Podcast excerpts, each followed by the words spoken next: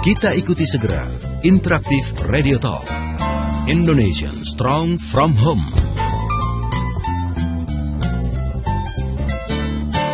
Indonesian Strong from Home bersama Ayah Edi, praktisi multiple intelligence dan holistic learning. Selamat mengikuti.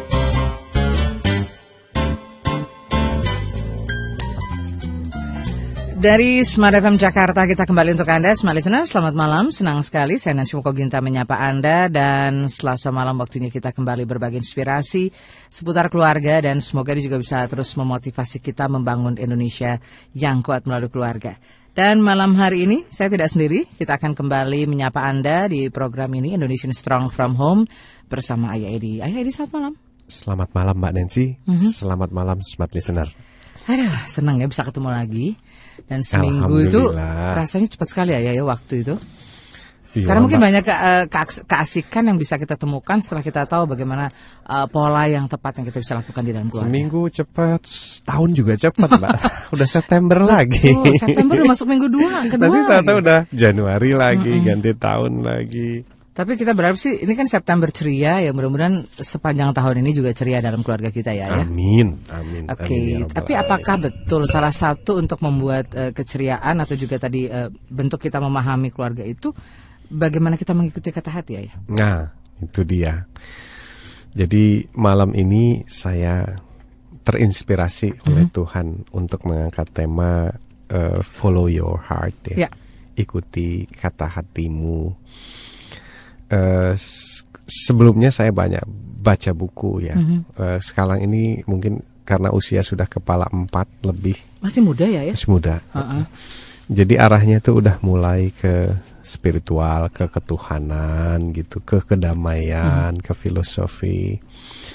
Saya membaca buku-buku seperti uh, hidup senang, mati tenang. Oh gitu ya, bukan hidup senang. itu ya, seperti yang biasa kita dengar gitu ya. Iya, hidup senang, mati tenang, kemudian hidup tanpa penyesalan. Baru saya baca bukunya John Cozy ya. Kemudian dibaca lagi uh, Follow Your Heart gitu.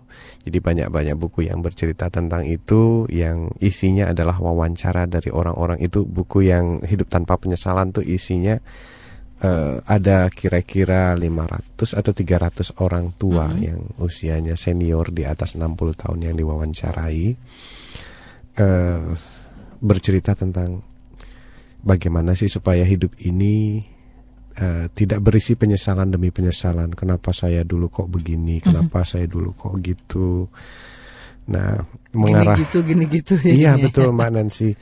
Dan mengarahnya itu kok ke arahnya follow your heart ya ikuti kata hatimu. Tapi sering kali kita bertanya yang kata hati itu yang mana sih? Gitu. Karena hmm. kan kita suka maunya begini maunya begitu. Nah itu sebenarnya kata hati atau bukan kata hati? Kata hatinya siapa nih sebetulnya iya jadi mudah-mudahan malam ini kita bisa belajar e, bisa membedakan mana yang kata hati dan bukan kata hati karena sama lama saya belajar tentang itu dan belajar untuk memisahkannya itu yang sulit mbak Nancy. Oke dan perjalanan tujuh tahun itu bukan waktu yang sebentar ya ya untuk bisa mengikuti ke mana nih kata hati e, tentunya ingin kita bawa dan bagaimana membangun Indonesia e, yang yeah. kuat itu melalui keluarga melalui kata hati tadi. Iya mungkin kalau nggak dengan kata hati nggak tahan kita sampai tujuh tahun hmm. ya kalau kita lihat talkshow talkshow kan paling banter tahan setahun dua hmm. tahun tiga tahun kita sampai tujuh tahun ini juga hal yang luar biasa. Padahal kita ini program sosial ya, uh, murni sosial begitu.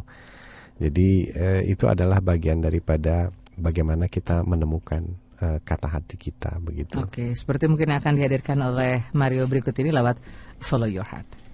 Uh, ini ya, samarikan seperti apa sih sebetulnya yang dimaksud dengan kata hati itu? Every little tear you cry lifts your heart to so, uh, leaves your heart so heavy every time you hear goodbye. You wonder, will it ever end? There's nothing I can tell you. The world moves on and on, but I still believe in love. Follow your heart wherever it takes you. Nobody knows where the wind blows. No one can say. Follow your dreams wherever they find you. Lost and alone, the light in the storm will always be with you if you follow your heart. Jadi mungkin ini ya ya ya ya mungkin nggak dia akan bilang pada kita sih ya, apa itu dan harus bagaimana tetapi percaya bahwa itu bisa akan terus berjalan gitu move on and on ya ya ya jadi ceritanya kan hidup ini adalah sebuah perjalanan ya. Mm-mm. From dari mana Ya. to mau ke mana Mhm. dan berakhir di mana. Nah biasanya kalau kita bicara hidup ya dimulainya sejak lahir, berakhirnya pas kita mati mbak, gitu. Mhm. Nah eh, makanya kalau ki- kita ikut pelatihan Stephen Covey itu waktu kita pertama kali eh, workshopnya yang dimulai itu adalah membayangkan pada saat kita mati. Mhm. Pada saat kita mati, eh, kita disuruh bayangkan orang-orang eh, yang kita kenal hadir dalam acara itu. Terus kita disuruh membayangkan apa yang ingin kita dengarkan dari mulut mereka satu persatu. Mulai dari orang yang terjauh sampai keluarga dekat sampai istri dan anak-anak kita. Nah, eh, di situlah kita akan tahu siapa kita dan eh, tujuan akhir kita sebenarnya mau ke mana begitu Mbak. Mhm. Itu dulu waktu saya ikut workshop itu dalam banget ya. Eh, dan secara spontan alam bawah sadar saya langsung keluar gitu. Ya. Nanti kalau saya mati saya mau begini begini begini begini begini gitu. Nah, eh kemudian waktu kita bicara bahwa hidup ini adalah sebuah perjalanan, ya ibarat sebuah perjalanan pasti jalan itu nggak pernah lurus, berkelok-kelok, banyak perempatan, Terjal juga ya, ya. ya. banyak pilihan dan sebagainya. Nah, di situlah eh, kenapa kita penting untuk eh, pertama punya tujuan yang jelas. Mau seperti apa, seperti apa yang digambarkan oleh Stephen Covey, starting Mhm. with the end. Mulai dulu dari tujuan akhir kamu mau apa. Tapi begitu pun kita sudah punya tujuan akhir yang sangat jelas begitu, yang kita tuliskan secara detail, tapi di perjalanan itu tidak semudah apa yang kita bayangkan. Jadi kita membutuhkan sebuah kompas, Mbak. Penunjuk, Petunjuk ya. ya, penunjuk arah eh, yang selalu mengingatkan kepada kita kapan kita harus belok kiri, kapan harus lurus dan kapan harus belok kanan. Persis saya sepertinya saya juga harus melihat penunjuk eh, Arahnya. jam ya, penunjuk arah bahwa kita mesti break dan malam hari ini juga eh, kita kedatangan tamu nanti akan juga diskusi, akan ada testimoni ya. Ya siapa sih tamunya ya malam ini? Ah, rahasia nanti. Oh rahasia ya. Nanti Setelah pesan-pesan berikut. kita akan perkenalkan dan saya juga eh, punya tamu tetap di sebelah kanan saya ya. Eh, ada Mas Putra juga yang selalu setia ya ya. Ya. Mendampingi kita dan Smart Listener untuk Anda yang ingin eh, berbagi dengan kita berinteraksi silakan karena kita buka kesempatan di line telepon maupun di line SMS Anda bisa hubungi 0812 11 eh, 12 959 atau juga melalui 021 398 33888. Kita masih akan mengulas tentang follow your heart atau ikuti kata hati Anda.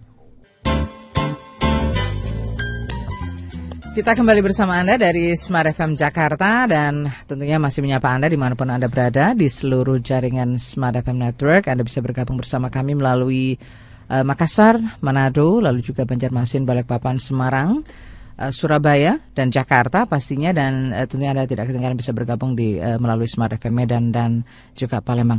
Kita masih eh, mengulas tema tentang follow your heart atau ikuti kata hati Anda. Dan tadi kan Ayu mau kasih bocoran, tamunya siapa? Eh, tamu kita ini jauh sekali datangnya. Waduh didatangkan jauh-jauh Ya, eh, dulu beliau tinggal di Medan. Mm-mm. Ya, sekarang berdinas di Bukit Tinggi. Oke, Nah, jadi masih Sumatera juga ya. Sumatera juga. Mm-mm. Nah, ini dari Bukit Tinggi ke Jakarta. Eh, namanya Pak Taufik. Oh ini Iya. sosoknya begitu ya. Oke. Ayahnya Ananda Fayas dan Akila Mm-mm. yang juga menjadi kepanjangan tangan Indonesian Strong From Home untuk dulu wilayah Sumatera ya. Mm-mm. Beliau menyanggupi wilayah Sumatera yang dengan setia mendistribusikan talkshow-talkshow kita kepada siapa saja yang berkenan untuk mendapatkan CD-nya secara free. Mhm, mhm. Kita berterima kasih juga kepada Pak Taufik. Terima kasih juga telah hadir hari ini malam ini begitu Mbak Mhm, Desi. Bisa meluangkan waktu ya bisa ngobrol dengan kita. Ya, Ah, berbagi cerita mudah-mudahan nanti. Betul. Baik, selamat datang ya Pak Taufik di Smart FM. Ya terima kasih sudah hadir. Nanti kita ngobrol-ngobrol lagi. Kita bicara tadi kan ayah eh, bagaimana it- kita mengikuti kata hati. Tetapi kan tadi perlu tujuan yang jelas, lalu juga ada petunjuk. Nah ini ada nggak sih sebetulnya eh, kita melihat kata hati itu perlu nggak cara sebuah cara untuk menelusuri lalu juga mungkin ada ukurannya yang mana nih sebetulnya gitu yang sesungguhnya? Uh, itu yang lama saya pertanyakan sebenarnya mm -hmm. melalui batin saya gitu. Terus akhirnya saya belajar belajar dari semua orang, mulai dari ahli agama, mm -hmm. terus sampai siapa pun yang saya lihat, uh, yang saya pandang uh, cukup mumpuni begitu. Sampai confused pun saya baca bukunya gitu. Uh, jadi kalau kita bicara tentang kata hati, kita harus memahami dulu struktur uh, tubuh kita, struktur tubuh manusia seperti hmm. apa. Nah ternyata manusia itu uh, terdiri dari yang kita sebut sebagai ya kalau dalam bahasa apa namanya uh, bahasa seni sastra itu ada yang namanya hati. Kalau hmm. bahasa Inggris bilangnya heart ya jantung. Yeah.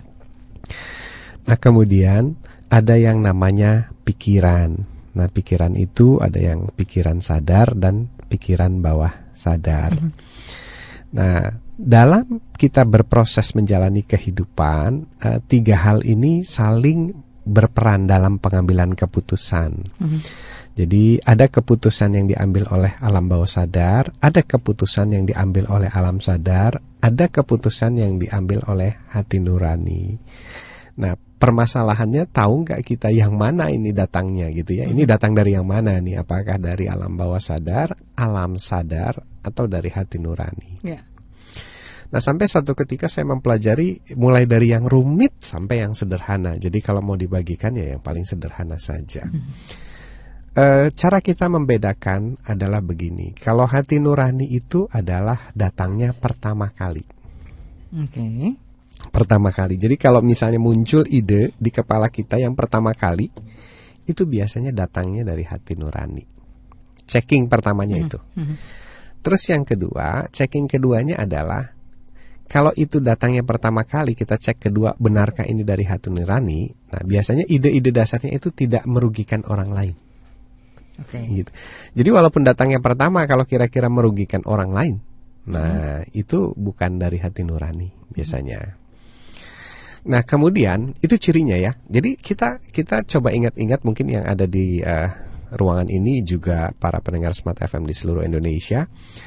Pernah nggak kita punya ketukan suara hati misalnya pada saat uh, Ramadan kita mau nyumbang. Hmm. Ada ketukan. Biasanya ketukan itu berikut angkanya loh. Hmm. Gitu ya. Angkanya sekian. Langsung ada jumlahnya gitu ya. ya. Misalnya saya katakanlah saya menyumbang di Ramadan ini satu juta gitu. Itu pertama kali ketukan itu datang. Itu biasanya nurani, itu hati. Tapi ditunggu saja lima menit. Mm -hmm. nah, itu biasanya datang pikiran. Yang pertama itu pikiran sadar. Mm -hmm. Bagus juga ya. Mm -hmm. Kalau saya nyumbang segitu kira-kira akan banyak manfaatnya. Nah, kemudian berikutnya data-data alam bawah sadar datang. tapi kan kamu belum bayar cicilan ini, kamu belum bayar hmm. itu. Hmm. Terus anak kamu nanti harus bayaran sekolah. Terus seragam baru dan sebagainya. Wah, data-data itu terus bermunculan. Makanya angka yang satu juta tadi mulai dikurangi. Ah, nggak jadi satu juta deh. Seratus aja. Wah, jawaban benar ya. Jadi... Gimana kalau separuhnya gitu. Nanti ditunggu lagi 10 menit pasti dianalisis lagi, hmm. dianalisis lagi oleh pikiran, dianalisis. Tapi jangan-jangan kalau begini gimana ya? Akhirnya jatuhnya bisa jadi cuma 15 ribu gitu, atau mungkin 50 ribu. Nah, ini ini adalah contoh yang paling sederhana yang saya pelajari dari hmm. seorang ahli makrifat tentang bagaimana sih menemukan kata hati. Jadi eh, ingatlah katanya pikiran pertama itu catat gitu. Jadi kalau memang sudah segitu ya itu kata hati dan kata hati itu biasanya sumbernya salah satunya dari Tuhan begitu. Hmm. Nah, sisanya dari kata hati tadi adalah analisis pikiran. Nah, pikiran itu sumbernya dari mana? Dari catatan memori-memori. Apabila memori yang tertanam di dalam pikiran kita melalui uh, pengalaman hidup kita isinya adalah tentang uh, ya kebaik eh, keburukan demi keburukan, ketakutan demi ketakutan yang ditanamkan, maka nanti si penganalisis ini dia akan terus memberikan data-data supaya hati nurani tidak mau melakukan itu. Tergoda ya jadi. Tergoda. Nah, itu yang dalam istilah agama dikatakan sebagai malaikat. Dan iblis. Jadi seorang ahli marifat menerjemahkan itu. Jadi bukan sosok ya iblis sama malaikat itu datang ke kepala kita yang satu tusuk-tusuk, yang satu tusuk-tusuk enggak, enggak begitu konsepsinya. itu memang ada di dalam batin kita, itu tertanam di dalam diri kita exactly. Proses itu terjadi setiap hari. Nah, masalahnya adalah pada saat kita melakukan proses perjalanan ini, antara hati nurani dan pikiran itu terus berkecamuk seperti malaikat dengan uh, setan ya iblis hmm. begitu. Itu analogi sebenarnya ya. Nah, uh, jadi muncullah akhirnya kehidupan yang bukan berdasarkan hati nurani. Padahal hati nurani itu sumbernya dari ilahi, dari Tuhan. Itu petunjuk, itu kompas sejati. Hmm. Dan itu sebenarnya datangnya murni begitu ya? Murni dan itu kalau diikuti menurut hasil wawancaranya Izo ya, hmm. Zon Izo tadi. Kalau itu diikuti maka nanti kalian kalau sudah tua itu hidup tanpa penyesalan. Karena memang itu ternyata yang menimbulkan kebahagiaan itu.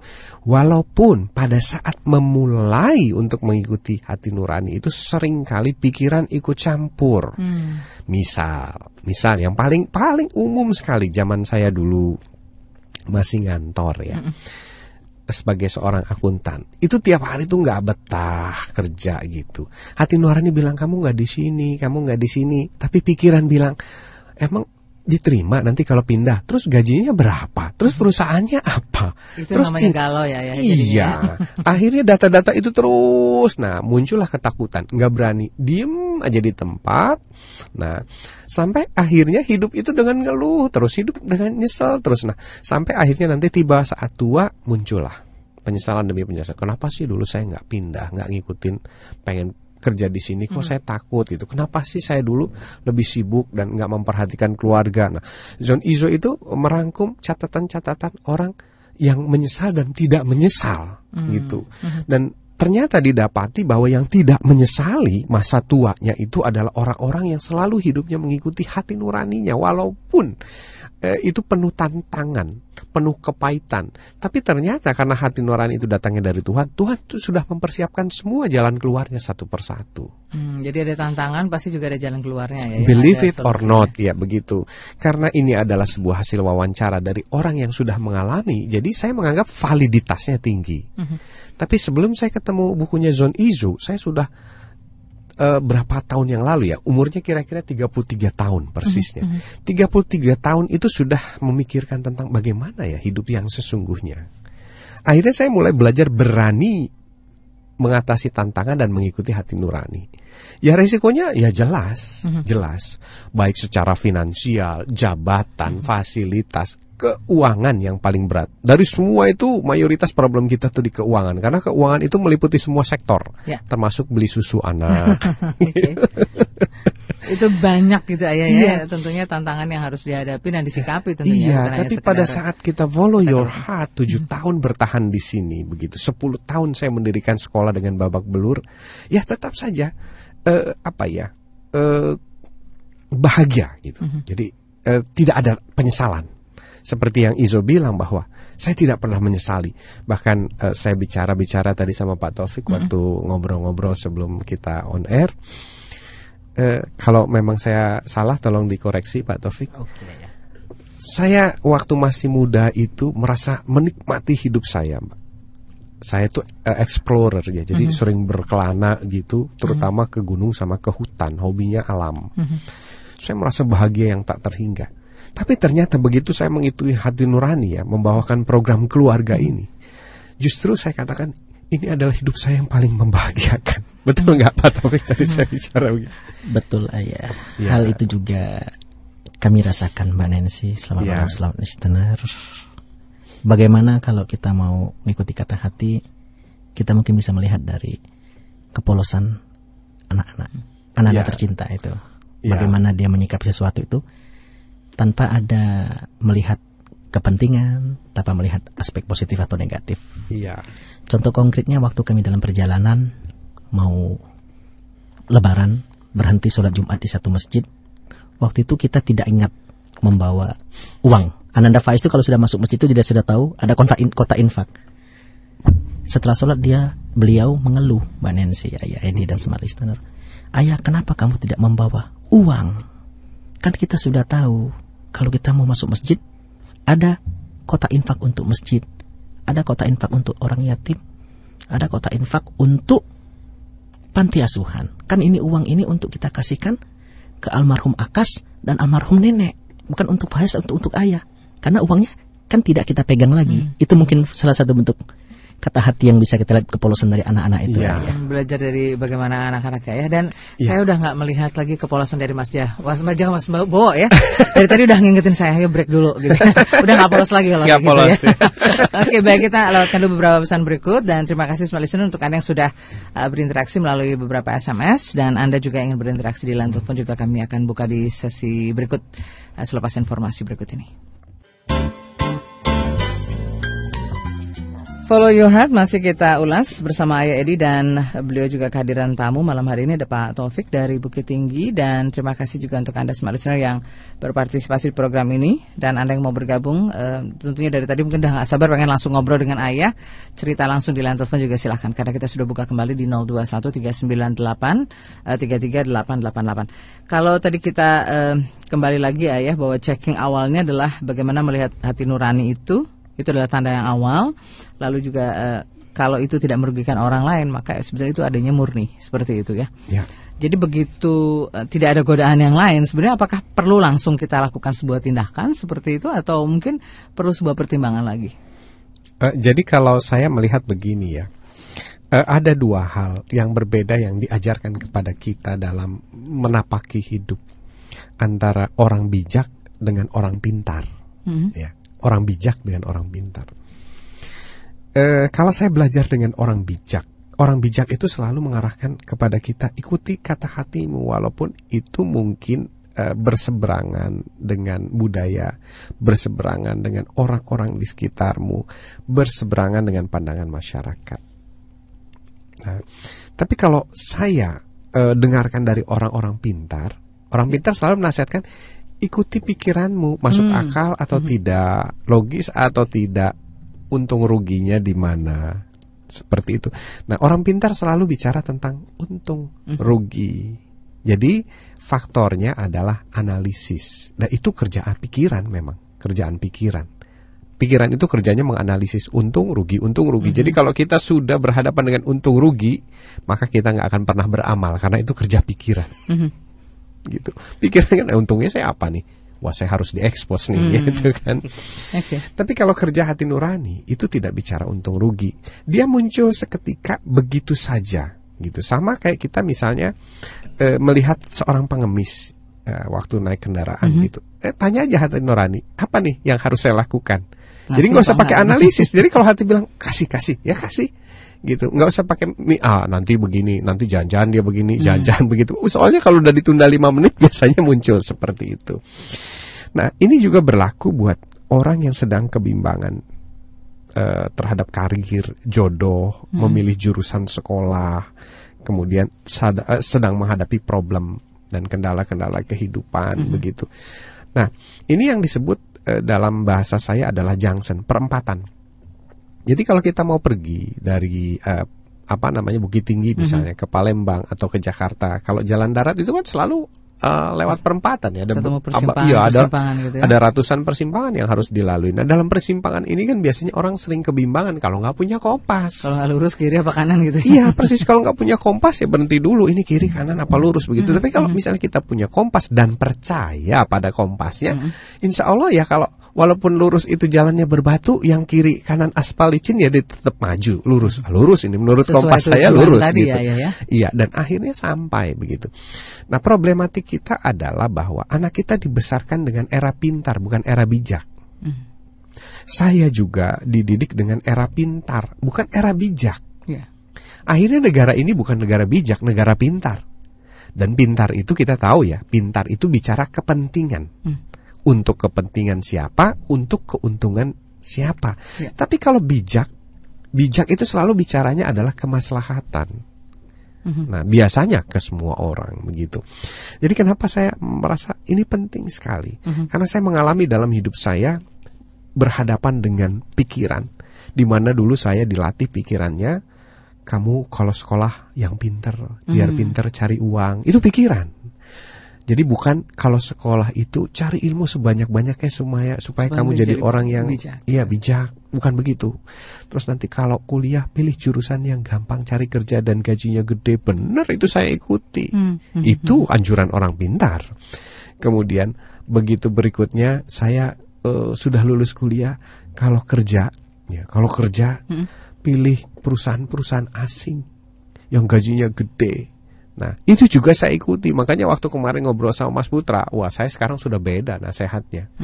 Jangan kita ngelihat gajinya, lihat tantangannya sama happiness. Mas Putra seneng nggak ngerjain ini? Kalau nggak seneng tinggalin. Tapi kalau seneng, biar nggak dibayar, lakukan terus karena Buktinya bayar. senang ya tiap Selasa nemenin kita di sini.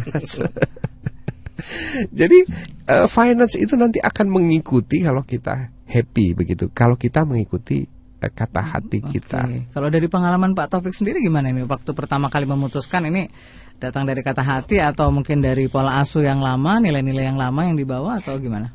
Mungkin sebagian dari pola asuh karena alhamdulillah waktu dididik oleh almarhum dan almarhumah orang tua itu ya alam demokratis sudah mulai tertanam. Walaupun memang ada ria-ria itu lumrah, ditambah mungkin kegelisahan sendiri pada saat saya bicara sama istri waktu belum punya anak. Istri kebetulan dulu backgroundnya sama dengan bunda di rumah mungkin akuntan ayah. Oh sama ya? Sama. Saya tanya, kadang-kadang kalian sebagai akuntan itu belajar ini belajar itu tuh kepake nggak pada saat ngaudit? Atau kalau orang bikin jembatan, semua jurusan itu kepake nggak? Atau di jurusan saya sendiri semua ilmu-ilmu yang kita pelajari dari kuliah dari semester awal sampai akhir itu kepake nggak? Ternyata enggak. Pada satu masa, pada saat bunda hamil anak pertama, saya ketemu di Gramedia Pekanbaru waktu kita masih tinggal di Dumai itu satu buku. Buku 37 kebiasaan di Gramedia. Saya lihat ini kok buku menarik dari ampul dia menarik. Saya buka pelan-pelan. Cocok dengan kegelisahan yang saya alami. Tahun berapa itu Pak? 2007 awal. 7 ya, iya buku itu 2007. 2007 awal. saya lihat ini kok cocok? Seperti hal yang di, di buku itu kan. Kalau anak jatuh dipukul. Saya juga tidak sependapat dengan itu. Atau waktu pada saat kita yang memang pada saat menikah itu agak lama dapat momongan pada saat pulang kok tetangga bilang kok anaknya badannya buruk? Loh anakku bagus-bagus putih montok kok dibilang buruk? Di buku itu cocok. Ternyata mitos kan? Saya kegelisahan-kegelisahan itu tersambung. Dan juga saya lihat apa yang diajarkan dalam inspirasi di Indonesia Strong Indonesia Strong From Home ini membumi. Kita laksanakan akhirnya yang ada itu enjoy happy proses saya cerita sama ayah setahun yang lalu saya jalan dari Medan ke Jakarta ini untuk menghadiri undangan juga dari ayah satu di antaranya itu lewat darat Mbak Nancy. Proses yang ada itu sebagai proses pembelajaran. Sepanjang jalan itu. sepanjang jalan ayah. Yang Allah yang menunjukkan siang itu Ananda Faiz tidak tidur menemani saya membawa mobil. Tiga hari padahal itu. dua hari. Dua hari. dua hari karena tiga hari. Ya dari Medan kita transit sempat di Pekanbaru Palembang istirahat dulu di rumah di rumah orang tua. Proses itu benar-benar belajar. Beliau itu mempelajari ada eksavator apa itu eksavator itu apa? Rel kereta api. Itu mobil apa? Mobil ini. Dan terakhir kayak kita kemarin dari Bukit Tinggi menuju Palembang itu prosesnya itu sekarang dia beliau itu proses memahami seperti kalau dalam pelajaran sekolah mungkin geografi. Hmm, oke. melihat seperti tadi Mbak Nancy bilang persimpangan. Ayah kita sekarang berada di kota apa? Kita menuju Palembang kota apa aja yang kita lewatin? Ini ini ini. Ini dipetakan ada sini. Kenapa kita tidak lewat sini? Kalau di situ jalannya tidak aman banyak kelokan aku kan bisa berpegangan benar-benar logika itu berjalan tapi kenapa jalannya tidak lurus kan kalau lurus kita bisa lebih enak aku tidak akan mual perutku jadi benar-benar apa yang terjadi itu semua itu menjadi enjoy Hmm, jadi semua jadi proses itu benar-benar ya. enak dan kita menjadi suatu kenikmatan yang tiada tara seperti ayah bilang tadi Oke, baik. Itu dari pengalaman beliau, Ayah. Nah, ini juga ada yang ingin diskusi eh, diskusi tentang apa yang kita ulas ya, Ayah. Sebetulnya kalau kita bicara tentang kata hati, apa itu datangnya dari tingkat spiritual yang baik, baru itu bisa tentunya bisa kita katakanlah tadi kita petik. Baik. eh yang memberitahu saya itu adalah orang yang spiritualnya tinggi. Ya, kalau dalam Islam itu mungkin tingkatan ma'rifat. Tapi yang mendapatkan petunjuk kata hati itu tidak harus spiritualnya tinggi. Setiap orang, bahkan orang yang paling buruk pun, maling atau penjahat pun setiap hari itu punya kata hati dalam batinnya. Hanya masalahnya dia ikut yang kata hati atau yang pikiran. Mhm. Jadi eh, siapa pun itu seperti itu.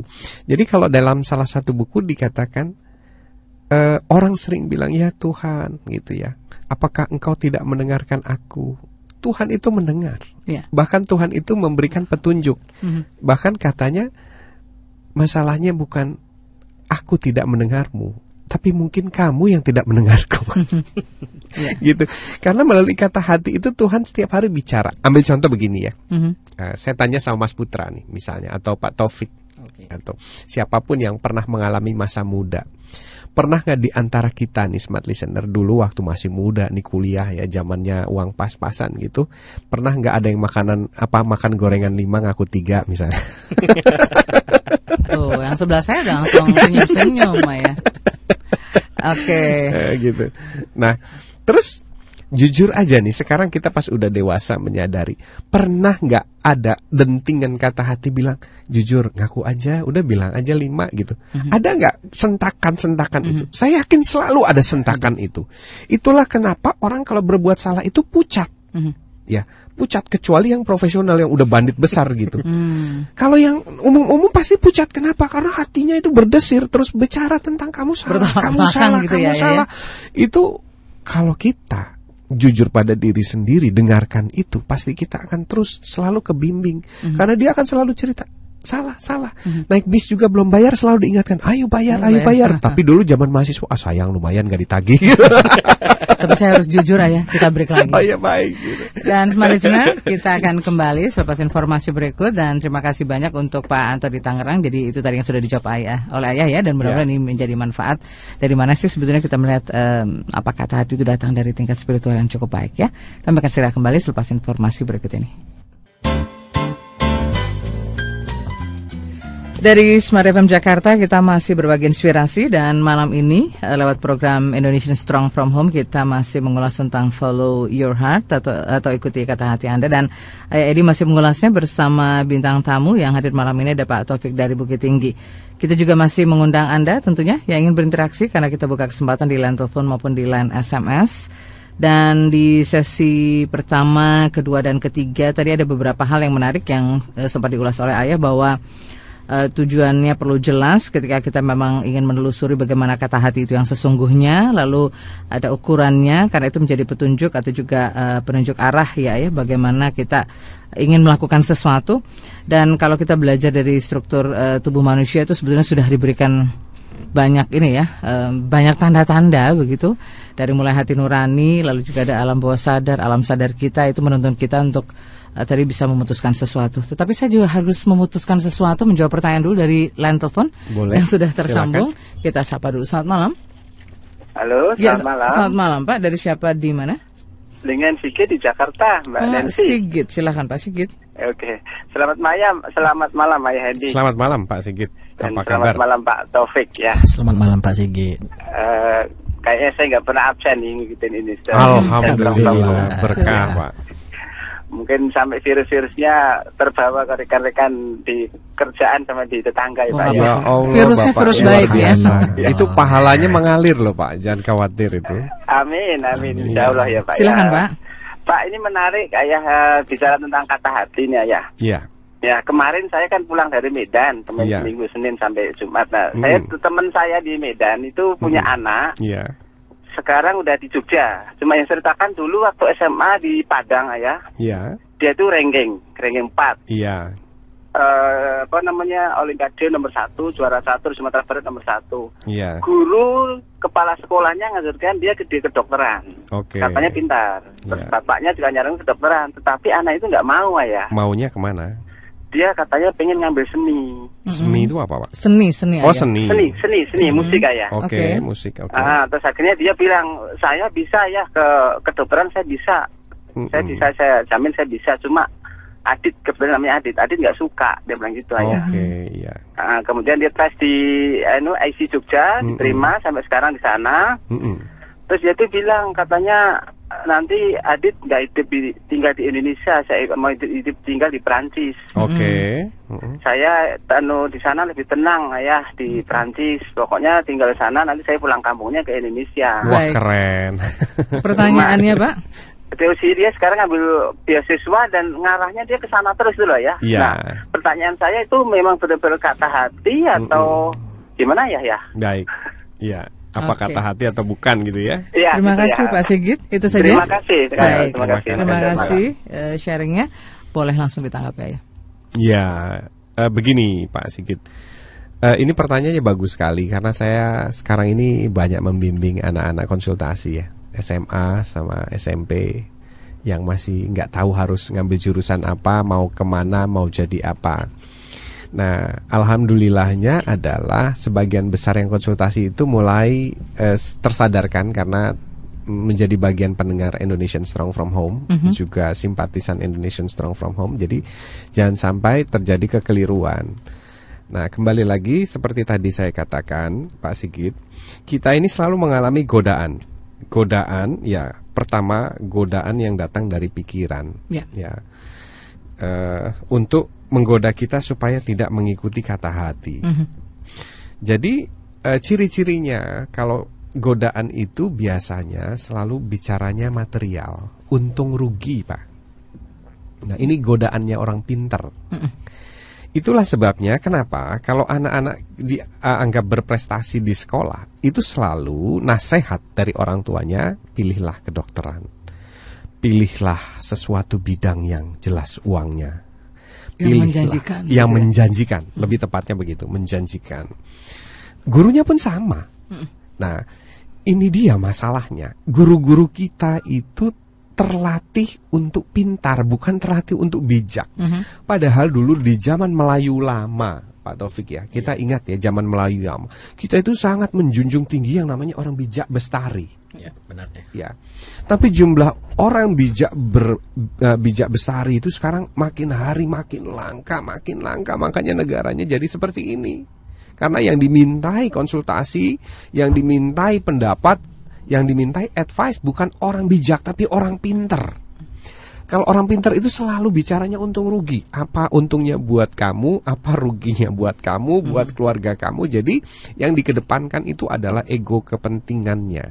Nah, jadi mari eh, kita belajar kembali menemukan kata hati kita supaya kita mengikuti petunjuk dan bimbingan dari ilahi secara langsung. Nah, kembali kepada Adit tadi. Adit ini luar biasa kalau saya bilang. Ya. Ciri-cirinya kata hati, dia berani tetap eksis di tengah-tengah yang tadi di awal Saran kita sebutkan ya. tadi ya. Ya, orang tua yang berseberangan, lingkungan yang berseberangan, nasihat guru yang berseberangan, semua. Semua yang berseberangan dia bisa atasi. Dia bisa tetap, dia bisa ajak bahwa saya bukan di sana tapi saya di sini. Konsisten dengan Konsisten. ya. Saya begini dan dia punya keberanian untuk melakukan itu. Nah, jarang-jarang anak-anak berani melakukan itu. Itulah sebabnya kenapa banyak anak yang eh, mengikuti bimbingan konseling kepada saya. Karena jarang ada anak yang seperti Adit ini secara ekstrim berani memutuskan bahwa saya tidak di sana tapi di sini walaupun saya mampu. Pilihan-pilihan pintar itu bukan karena kita mampu dan tidak mampu. Pada saat saya sekolah akunting, saya bukan tidak bisa akunting. Saya lulus dengan baik, begitu, sangat baik. Bahkan waktu sebelum lulus saya tanya sama ketua jurusan saya, jawabannya kamu sih pasti lulus. Sampai begitu Mbak Nancy gitu. Tapi pertanyaan berikutnya adalah apakah saya bahagia dengan profesi itu? Bukan profesi akunting itu tidak penting, tapi pada saat kita tidak mengikuti kata hati, berarti kita tidak sesuai dengan petunjuk ilahi. Nah, mulailah kita berhitung kan di akunting ini. Yang dipikirkan gaji mana perusahaan mana yang berani gaji lebih besar, pindah jadi kutu lompat. Padahal juga tidak membuat kita lebih bahagia, hanya penghasilan lebih, iya mungkin seperti itu tanggung jawab lebih besar iya tapi justru dari bukunya Izo dari buku-buku para filosof saya lihat bahwa tujuan hidup ini apa sih sebenarnya orang mencari kebahagiaan kok Mhm. gitu coba kita lihat misalnya Mas Putra nah pengen gaji tinggi gitu itu tujuannya apa supaya hidup saya ini terjamin hidup ini bisa beli ini bisa beli Financial ini. freedom. Iya, ujung-ujungnya apa sih? Ya biar bahagia. Bahagia. Biar saya bahagia. Orang misalnya pindah kerja, tujuannya apa? Mencari kebahagiaannya se- sebenarnya semua orang itu mencari kebahagiaan. Kalau kebahagiaan itu ada tanpa harus dicari, kenapa harus dicari-cari kan? Nah, kata hati itu selalu menunjukkan kepada kita melalui kompas Tuhan mengatakan bahwa kalau kamu mau bahagia, mau bahagia ke sana arahnya, Hmm. mau bahagia ke sana arahnya. Nah, Adit ini berani mengikuti kompas Tuhan gitu. Kamu ini Dit bukan untuk jadi seorang dokter. Ya. Bukan berarti dokter itu tidak baik dan sebagainya. Ini netral posisi Mhm. ya. Hanya masalahnya Adit ini bukan untuk menjadi seorang saintis, tapi seorang art, seniman gitu. Ayo, ikuti kata hatimu. Dan beberapa sebagian besar ya, bukan beberapa, sebagian besar anak yang saya bimbing, yang saya arahkan kembali mengikuti kata hati mereka dengan dukungan orang tua secara penuh. Yang kemarin Nia, Mhm. 19 tahun sudah jadi kreatif director. Oke, pada waktu itu berangkat masih kecil lah ya. Ya, Berapa masih tahun kecil, yang 14 lalu tahun ya. Berapa Sempat tahun yang lalu sempat talk show ya? di sini. Hmm. Nah, kemudian apa yang terjadi? Yang terjadi adalah dia bahagia. Kalau dia bahagia, dia akan membahagiakan orang-orang di sekitarnya. Itu sudah cerita dari keluarganya. Mhm. Dan yang lebih menarik lagi, saya bilang sama ibunya, Bu, betapa bahagianya ibu. Di usia segini tuh biasanya anak-anak masih mengalami proses gejolak, penyimpangan perilaku remaja, mencari masih jati diri bicaranya gitu ya. tentang pacaran dengan orang-orang yang nggak beres, orang tuanya masih limbu. Mhm. Ibu dengan ajak mendampingi seorang director muda yang visinya jauh ke depan tanpa problem-problem yang dialami. Persis seperti kan apa yang saya katakan dulu. Begitu seorang anak mengikuti kata hati dan dengan penuh cinta dia me Dia bertanggung mengikutinya, jawab juga ya dia dengan bertanggung hidupnya ya. jawab dengan hidupnya dan apa yang terjadi dia terbebas dari penyimpangan perilaku remaja kenapa?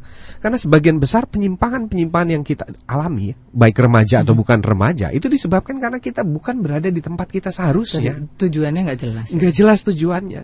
Jadi kalau kita nggak tahu arah kita mau ke mana maka orang lain lah yang akan mengarahkan kita atau memberikan arah mbak Nancy. Hmm, baik, tapi kita sudah diarahkan oleh waktu lagi Baik. untuk melewati beberapa informasi. Dan nanti kita akan ngobrol lagi dengan Ayadi dan juga Pak Taufik tamu beliau malam hari ini. Dan terima kasih Smart Listener untuk kalian yang sudah uh, berinteraksi bersama kami dan uh, mudah-mudahan Pak Sigit tadi ini juga sudah menjawab ya pertanyaan yang uh, tentunya tadi disampaikan. Kami akan segera kembali tentunya selepas informasi berikut tetap bersama kami di Indonesian Strong From Home. Smart FM, The Spirit of Indonesia masih kembali untuk Anda dan terima kasih Smart Listener masih setia bersama kami di satu jam eh, berikutnya. Kita masih menyapa Anda di Indonesian Strong From Home dan IID juga masih setia untuk Anda. Beliau malam ini bersama tamu beliau, ada Pak Taufik dari Bukit Tinggi dan kita masih mengulas tentang follow your heart atau ikuti kata hati.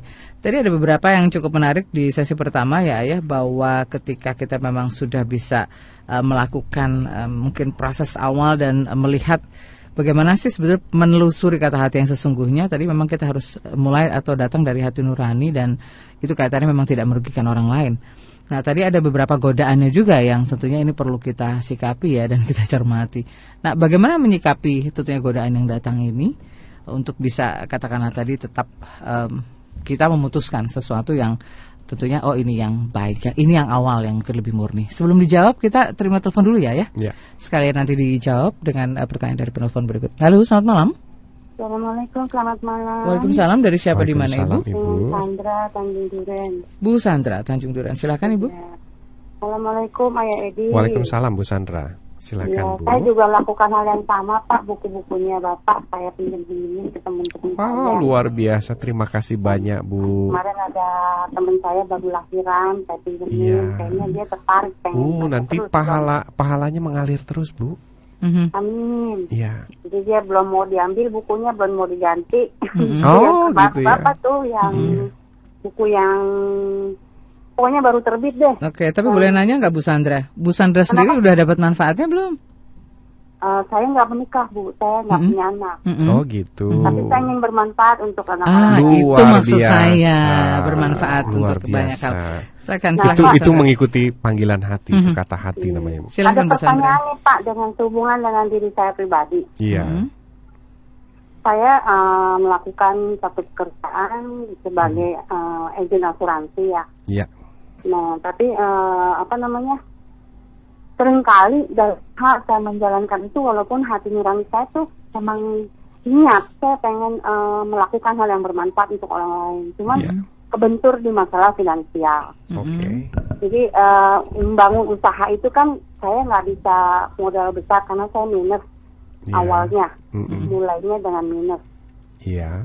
Nah, jadi saya, halo, Ya. Iya, halo Bu. Ah, Iya. jadi saya ini eh sering kata hati tuh eh, melakukan hal yang ini udah udah ini ya udah melakukan prospek tugas gitu ya. Coba kita cek ya, ini kata hati atau kata pikiran. Ya, saya saya bantu pertanyaan ya Bu ya untuk checking. Ini kata hati atau kata pikiran. Pertama, Ibu senang nggak jadi agen asuransi? Seneng pak. Seneng. Yang Ibu Senang buat banget. seneng itu karena apa yang Ibu kerjakan atau karena kalau dapat bonus? Saya senangnya justru pada saat saya melakukan prospek sama orang membagikan informasi, Iya, menyampaikan prospek bahwa orang tuh udah bisa tahu dan saya punya kesempatan Iya. untuk bisa ceritakan manfaat-manfaat itu, Iya. apalagi kalau orang itu eh, menyadari kebutuhannya. Ah. Bukan karena saya dapat bonus bukan ya? Pak, tapi saya ingin Iya. eh, dia bisa mendapatkan manfaat itu. Ya, Oke. itu itu namanya kata hati. Tapi Oh. kalau ibu di dalam eh, melakukan prospek ya, kita sebutnya prospek ya. Iya. Dalam melakukan prospek itu yang kepikir adalah saya harus goal, saya harus close, nanti saya akan dapat bonus sekian, itu namanya pikiran. Mhm. Oh, kalau Iya. kalau memastikan saya harus closing, close, close, Iya. closing, itu sebenarnya tekanan dari leader. Saya sendiri sih nggak mikirin ke situ. Iya, itu namanya Cuma- pikiran, itu pikiran ya. Sama seperti saya talkshow di sini. Kalau saya talkshow di sini untuk mendapatkan uang, misalnya promo program Ayah Edi apa segala macam, nanti saya akan punya keuntungan sekian, itu saya ngikutin pikiran. Tapi kalau saya datang dengan kata hati, itu saya terlepas tuh bebas itu. Mau nanti efeknya kayak gimana itu biar Tuhan dan alam semesta yang atur. Itu namanya mengikuti kata hati. Jadi ibu sendiri bisa lihat nih orang-orang yang talkshow di Smart FM, mana yang ngikuti kata hati, mana yang bukan itu kelihatan banget dari gaya bahasanya, dari gaya bicaranya. Eh, eh. Jadi kalau dia mengikuti kata hati, prosesnya itu lepas begitu ya, nggak ada nggak ada embel-embel bahwa eh, dia harus closing nih. Jadi dengan Nah, talkshow ini yang bikin saya jadi jadi tertekan tuh karena ada diharuskan sama leader kalau nggak closing satu saya didenda. Kayaknya kayaknya gimana gitu loh. Saya Eh, kerja bukan pengen pengen apa ya, bukan pengen closing gitu. Baik, Bu Baik, Sandra, kita sudah baik. dapat poinnya. Iya, Nanti iya. coba kita Oke. diskusikan lagi. Baik. Terima kasih ya, Bu. Iya. Tetap menjadi manfaat ya, Bu, untuk sekitarnya. Baik, selamat malam, Bu Sandra. Wah, luar biasa ya, ya. Beliau ini juga tetap ingin berbagi di tengah-tengah tugas yang juga beliau tekuni. Nah, kalau kita eh, lihat tadi, beliau sudah memang memenuhi panggilan hatinya. Iya. Tetapi kan ada faktor-faktor lain juga yang Iya. eh, itu bisa membentuk beliau. Baik, begini ya. Kita mengikuti kata hati. Yang dilakukan Ibu Sandra sudah benar, mengikuti kata hati. Hanya mungkin institusinya yang dipilih belum benar. Gitu. Eh, jadi kalau saya lihat apa sih tujuan ibu ingin bermanfaat bermanfaat itu kan banyak sekali yang bisa dipilih nggak harus asuransi macam-macam nah kalau institusi ini eh, menargetkan sesuatu harus closing dan bicaranya adalah pintar yang namanya bonus dan income biasanya kan iming-imingnya bonus dan income nggak apa-apa itu nggak salah kalau kita memilih itu juga saya tidak menyalahkan karena memang saya juga dulu pernah ada di wilayah itu, pernah ada di usia itu di mana income adalah jadi bagian daripada target hidup saya. Ya kalau kalau itu terjadi ya lebih baik pindah institusi kalau menurut saya. Toh yang dikedepankan adalah bukan saya mencintai insurance tapi saya ingin jadi bermanfaat. Mhm. Jadi tinggal kita pilih saja nih mana yang bisa bermanfaat nih, tapi tidak menekan saya. Ibu bisa misalnya di LSM, ibu bisa misalnya di NGO eh, atau di apa namanya LSM asing ya, yang mereka tidak menekankan pada profit, pada profit, tapi mereka menekankan pada manfaat. Banyak itu kalau American Aid, Australian Aid, apa aja begitu. Baik yang Muslim atau yang non Muslim banyak. Ibu tinggal pilih saja, karena ibu tipenya seperti itu, Hmm. begitu. Oke, kalau pertanyaan saya tadi ayah yang belum sempat dijawab, nah Iya. gimana tuh kita menyikapi eh, Mengatasi godaan tadi ya. Yes. Jadi begini, Mbak Nancy, saya, Pak Taufik, Mas Putra setiap hari itu pasti digoda oleh pikiran. Mhm. Ngapain sih talkshow di Smart FM udah tujuh tahun dapat apa sih? Misalnya begitu ya. Mhm. Nah, hanya berkahnya, berkahnya adalah sebelum saya di Smart FM, saya seorang profesional yang sudah bicara tentang uang, karir, profesi, eh, rupiah dan dolar. Jadi begitu saya dapatkan semuanya, pertanyaan saya, am I happy? Hmm. Saya bahagia nggak sih? Apa ini kebahagiaan? So what setelah ini gitu? So what gitu loh. Nah, dari situlah pengalaman saya membimbing saya bahwa oke, kalau kamu dapat materinya kamu belum tentu bahagia. Tapi kalau kamu dapat bahagianya, materinya ngikut. Dan itu faktanya begitu. That's true, betul-betul. Itu kejadian. Boleh tanya sama Pak Yakob. Pak Yakob itu kalau talk show mana pernah dia promo? nggak pernah slow, santai saja gitu. Tapi apakah beliau kekurangan klien? Tidak, banyak sekali. Saya tahu betul begitu. Tanpa harus dipromokan gitu. Karena itulah hukum semesta. Jadi nggak ada yang namanya take and give itu bohong itu Pak. Take and give. Yang ada adalah give and take. Jadi menabur dan menuai. Beri dulu gitu ya. ya. Beri dulu baru kita nanti mendapatkan dari alam semesta. Jadi take and give itu ajaran lama, itu ajaran orang pinter. Hmm. Kalau ajaran orang bijak itu adalah give and take. Oh, Oke, baik. Nah, kalau dari pengalaman Pak Taufik sendiri, apakah sebetulnya yang sekarang ini dilakukan sudah mengikuti kata hati, begitu sudah happy, sudah sampai pada tujuan itu? Kalau masalah happy, kalau saya pribadi itu dimulai pada saat memilih jurusan kuliah dan profesi yang tidak usah saya sebutkan saya jalanin, saya merasa bahagia. Karena itu itu adalah pilihan dan didukung oleh orang tua. Tapi kebahagiaan yang saya alami itu ternyata lebih bernilai pada saat 2007 Desember kita dikaruniai anak yang pertama. Ditambah lagi Oktober 2010 anak yang kedua. Merasa itu kebahagiaan yang luar biasa. Bagaimana saya cerita sama Ayah Edi dan juga pada saat saya menelpon Fayas yang sudah lancar berbicara senantiasa berkata, Ayah, Bunda, aku sayang padamu. Aku juga sayang sama adik Akila.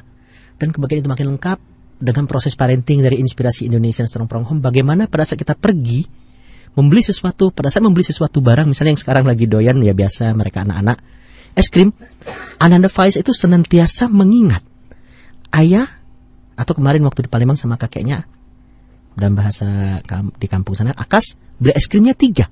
Kenapa harus tiga? Dua untukku, satu untuk adik Akila. Walaupun memang mungkin lebih karena dia merasa dia lebih besar. Tapi itu kebahagiaan luar biasa yang bagaimana mungkin orang tua senantiasa yang terjadi keributan ayah. Dan misalnya anak-anak berebut makanan. Tapi yang terjadi begitu juga Ananda Akila. Karena dia belum lancar berbicara pada saat berjalan. Karena dia tahu kakaknya suka sama eksavator pada saat dia melihat eksavator di dalam perjalanan kita tuh. Ya karena dia manggil kakak, karena manggil nama. Yas, uh, ditunjuknya yang ditunjuk itu eksavator. Dan Fayaz pun respect melihat. Terima kasih adik Akila, kamu sudah memberitahuku ada eksavator yang aku suka melihatnya. Itu kebahagiaan yang luar biasa yang tidak bisa ditukar dengan apa pun. Oh, Oke, baik. Kita lanjut lagi ya dengan beberapa pertanyaan di Nah, ini SMS. sebentar Mbak, kalau boleh mengomentari Oh, ya. oke, silakan Ayah. Ini yang menarik begini ya, yang menarik. Kenapa sih Pak Taufik merasa bahagia sekarang? Ya, ini, ini kuncinya sebenarnya adalah pada saat Pak Taufik melihat buku. Hmm, diawali dari itu ya melihat buku. Pada saat tahun 2007 melihat buku saya yang 37 Iya, benar, ya. Taufik. Di dalam melihat buku itu, kita bisa mengikuti kata hati, bisa mengikuti pikiran. Mhm. Nah, kebetulan Pak Taufik kelihatannya mengikuti kata hati. Saya jelaskan apa bedanya. Kalau mengikuti kata hati yang dibaca itu adalah judul, kemudian masuk ke wilayah, daftar isi, kemudian kontennya. Oh cocok, oh cocok. Dia beli tanpa melihat harga. Oke. Kenapa? Karena kalau sudah tidak mengikuti kata hati, biasanya pikiran bermain. Masa sih buku setipis ini harganya segini? Betul gak Pak Taufik? Benar ya. Kebanyakan masih terjadi seperti itu. Benar. Itu saya lihat di Facebook, juga begitu. Beli di mana? Harganya, berapa? gitu. Jadi kalau sudah wilayahnya masuk ke harga dan sebagainya, itu bukan kata hati, tapi itu pikiran, itu analisis. Dia akan ukur antara ketebalan, panjang kertas dan sebagainya ke harganya. Ini kemahalan. Jadi pada saat kita memilih sesuatu pun itu menentukan kebahagiaan kita selanjutnya. Nah, itu juga yang sekarang saya lakukan pada saat milih buku itu. Benar-benar saya coba nutup harganya dulu. Saya lihat hati saya bilang gimana nih terhadap buku ini. Makanya istri saya sering merasa aneh gitu. Saya beli buku tebel-tebel harganya mahal gitu. Sudah bunda, ini memang harus dibeli. Jadi bahasa saya simpel aja begitu. Ini memang harus dibeli. Jadi hati saya tuh bilang ini bawa pulang. Ini bawa pulang itu. Padahal kadang harganya 180 gitu dan sebagainya. Tapi dari sisi manfaatnya, Karena terbukti bahwa apa yang kita beli buku ya seperti Zone Izo ini itu juga kata hati juga tuh Pak Taufik. Ternyata melahirkan kebahagiaan dan Pak Taufik barusan bertestimoni. Itu semua berawal dari pertama kelahiran anak, kedua nemu buku. Nah, di situ dia ngikuti kata hati atau kata pikiran. Ya. Kalau kata pikiran yakin nggak dibeli deh. Oke, jadi Karena bukunya tipis. tipis Daripada kata hati ya, ya, ya. Iya. Oke, ini kata hati saya kita ingin berbagi lagi nih. Oh, boleh, boleh, silakan, Dengan eh, tentunya beberapa SMS. Bu Sandra, terima kasih sudah berbagi dengan kita dan kita eh, melanjutkan lagi pertanyaan dari Pak Hidayat di Cilacap. Selamat malam Ayah Edi. Selamat malam Pak Ayah Hidayat. eh, usia saya sudah 26 tahun dan eh, sudah menikah. Ya. Eh, tapi sampai dengan sekarang saya belum menemukan eh, talent saya dan eh, tentunya sekarang saya bertugas sebagai salah seorang driver ya di sebuah Iya. perusahaan taksi. Nah, bagaimana caranya eh, saya tidak takut dalam menjalankan kata hati saya? Eh, begini, Pak Hidayat. Eh, menurut seorang ahli eh, makrifat ya, Tuhan itu setiap hari bicara pada kita. Jadi masalahnya adalah apakah kita mau mendengarkan. Nah, jadi kalau kita misalnya apakah kita mau mendengarkan? Pertanyaan kedua, kita harus bisa mendengarkan yang mana kata hati dan yang mana pikiran, yang mana bijak, mana pintar gitu. Nah, jadi yang perlu kita lakukan, yang Pak Hidayat perlu lakukan, itu sambil bawa mobil, ya jangan mengeluh. Jadi bawa taksi, dinikmati. Nah kemudian sambil melihat, menerawang, ngobrol sama tamu dan sebagainya, lihat, dengarkan apa yang dibilang oleh hati. Kalau hati bilang, aku ingin tetap di sini, aku ingin membawa taksi ini, aku bahagia. Apa pun kata orang nggak usah didengarkan. Tapi kalau bapak misalnya hatinya bilang bahwa ini bukan tempatku, harusnya aku tidak di sini. Nah, temukan dari hati juga harusnya ke mana? Karena semua petunjuk itu datang, datangnya itu lewat hati Ya. dan lewat orang-orang yang didatangkan ke kita begitu. Jadi orang-orang yang ketemu sama kita ini bukan kebetulan, mbak. Itu Tuhan yang mendatangkan pada saat di momen-momen yang tepat. Pada saat saya kehilangan eh, momentum lagi untuk eh, harus lebih tinggi lagi kan biasanya orang Indonesia itu eh, cari perusahaan asing. Nah, itu ya supaya gajinya besar. Kemudian kalau bisa cari perusahaan pertambangan. Oh, karena pertambangan lumayan gajinya cukup top gitu. Di atas pertambangan lagi kalau bisa pertambangan perusahaan asing di negara asing kan gitu ya Pak Taufik. lengkap ya, ya. Tapi kan pada saat sudah sampai di situ ya kayak anak sekarang bilang, "So what?" gitu loh. Hmm. gitu. Jadi bukan itu semua sebenarnya. Bukan itu semua. Itu yang ingin eh, saya sharingkan dari pengalaman saya. Bukan itu semua. Jadi ikuti kata hati gitu. Walaupun hanya menjadi seorang guru, bukan hanya, tapi kata hatinya guru ya guru. Tapi jadi gitu. guru-guru yang seperti apa dulu ya ya? persis. Guru itu master. Jadi yang terbaik gitu. Jadi kalau di luar negeri itu guru master. Jadi kalau pengajar tuh teacher. Jadi Pak Jansen cerita itu beda itu antara teacher dan master jauh. Jadi kalau ingin jadi guru, guru yang master, jangan guru yang teacher karena itu pengajar, Ya, bukan guru ya. Eh, di silat pun namanya tetap dipanggil guru, guru. Dan kalau diterjemahkan ke Inggris bukan bukan teacher ya, master. Master, gitu. ya. Kira-kira seperti itu Mbak Nancy. Oke, terima kasih Pak Hidayat. Semoga bisa dapat inspirasinya dari situ dan eh, bisa melihat kembali ya, menelusuri kata hatinya. Ya. Dan kita akan eh, lalui beberapa informasi berikut ini. Dari 95.9 Smart FM Jakarta, ya ini masih berbagi dengan Anda di program Indonesian Strong From Home. Dan ini sudah uh, memasuki satu jam berikutnya, ya hampir satu jam setengah perjalanan kita ya, ya. Dan Anda yang mungkin baru bergabung belum mengikuti lengkap, Anda bisa berka- kembali bergabung pada hari Sabtu ya, kita akan siarkan kembali, ada siaran ulangnya pada pukul 10 sampai dengan 12 eh, hari Sabtu ya, setiap hari Sabtu di Smart FM Jakarta. Kita masih kembali dengan ulasan kita Follow Your Heart. Nah tadi ayah kalau kita sudah eh, katakan eh, menemukan eh, mana itu yang memang betul-betul eh, hat- dari hati nurani dan mana itu yang eh, berupa godaan. Nah lalu setelah itu apa yang perlu kita eh, sebagai langkah awal kita, lalu apa yang perlu kita tata sebaiknya sehingga itu menjadi betul-betul eh, fokus kita ke depan. Iya, pada saat hati kita mulai berbicara, eh, sebenarnya setiap hari Tuhan berbicara lewat hati kita, tapi berbicara itu makin nyaring ya. Saya rasakan pada saat usia kita memasuki 25 sampai 30. Itu masa-masa nyaringnya. 30 dan saya waktu itu berani mengambil keputusan yang sangat ekstrim di 33. Usia 33 dan itu memang penuh penderitaan ya karena 33 itu harusnya sudah selesai dan memutuskan begitu saya baru memulainya tapi that's okay lah ini pembelajaran buat kita semua mungkin juga buat bangsa ini karena mm -hmm. lebih kurang juga nggak jauh beda banyak yang nasibnya seperti saya begitu seperti Pak Hidayat ini juga mengalami bersyukur 26 tahun sudah mempertanyakan ini. Yeah. Nah, eh, kalau hati kita sudah bicara, hei kamu bukan di sini, kamu bukan di sini. Iya, Tuhan saya bukan di sini, terus mm -hmm. saya di mana dong? Beri saya petunjuk. Itu yang dulu saya katakan, saya harus ke mana Tuhan? Saya harus jadi apa? Mulailah ketemu sama si siapa namanya lupa saya tuh, uh, profesor di Yale hmm Saya nganterin kawan saya untuk bimbingan dia uh, skripsi ya. Uh, lupa namanya. Mm-hmm. Terus saya ngobrol-ngobrol ya. Ngobrol-ngobrolnya diawali kenapa sih Indonesia tuh kok hancur gitu? Kenapa sih kok nggak beres-beres? Apa sih bottom line problemnya? Waktu itu saya tanya, kan Anda pernah di Indonesia lima mm-hmm. tahun di Jogja mm-hmm. bikin riset antropologi sama sosiologi. What is the matter? Saya bilang dan dia jawabnya, this because of education. Hmm. Wah, sok saya hmm. mendapat jawaban seperti itu kaget. Kok bisa education? Bukan ekonomi, bukan ini, bukan itu. Ya karena education itu adalah mesin pencetak generasi. Jadi kalau generasinya kayak begini ya, yang dipertanyakan dulu dicetaknya pakai apa, bagaimana hmm. caranya, sistem kurikulumnya bagaimana, sistem pendidikan. Baru dari situ saya mikir tiap malam jadi waktu kita bertanya saya harus ke mana Tuhan, Tuhan tuh kasih nanti ketemu, -hmm. walaupun kadang-kadang nggak sengaja ketemunya itu. Saya nganter istri apa istri kawan saya dia berhalangan kerja nganter untuk konsultasi sama profesornya. Saya ngobrol -hmm. dari sana mulai tok tok tok tok. Kemudian habis begitu tiap hari kerjanya merenung. Oh gitu ya hancurnya Indonesia saya bilang begitu. Dari situ nanti ketemu lagi. Tiba-tiba ada dua kawan saya ibu-ibu yang ngajakin saya untuk eh, mendukung saya.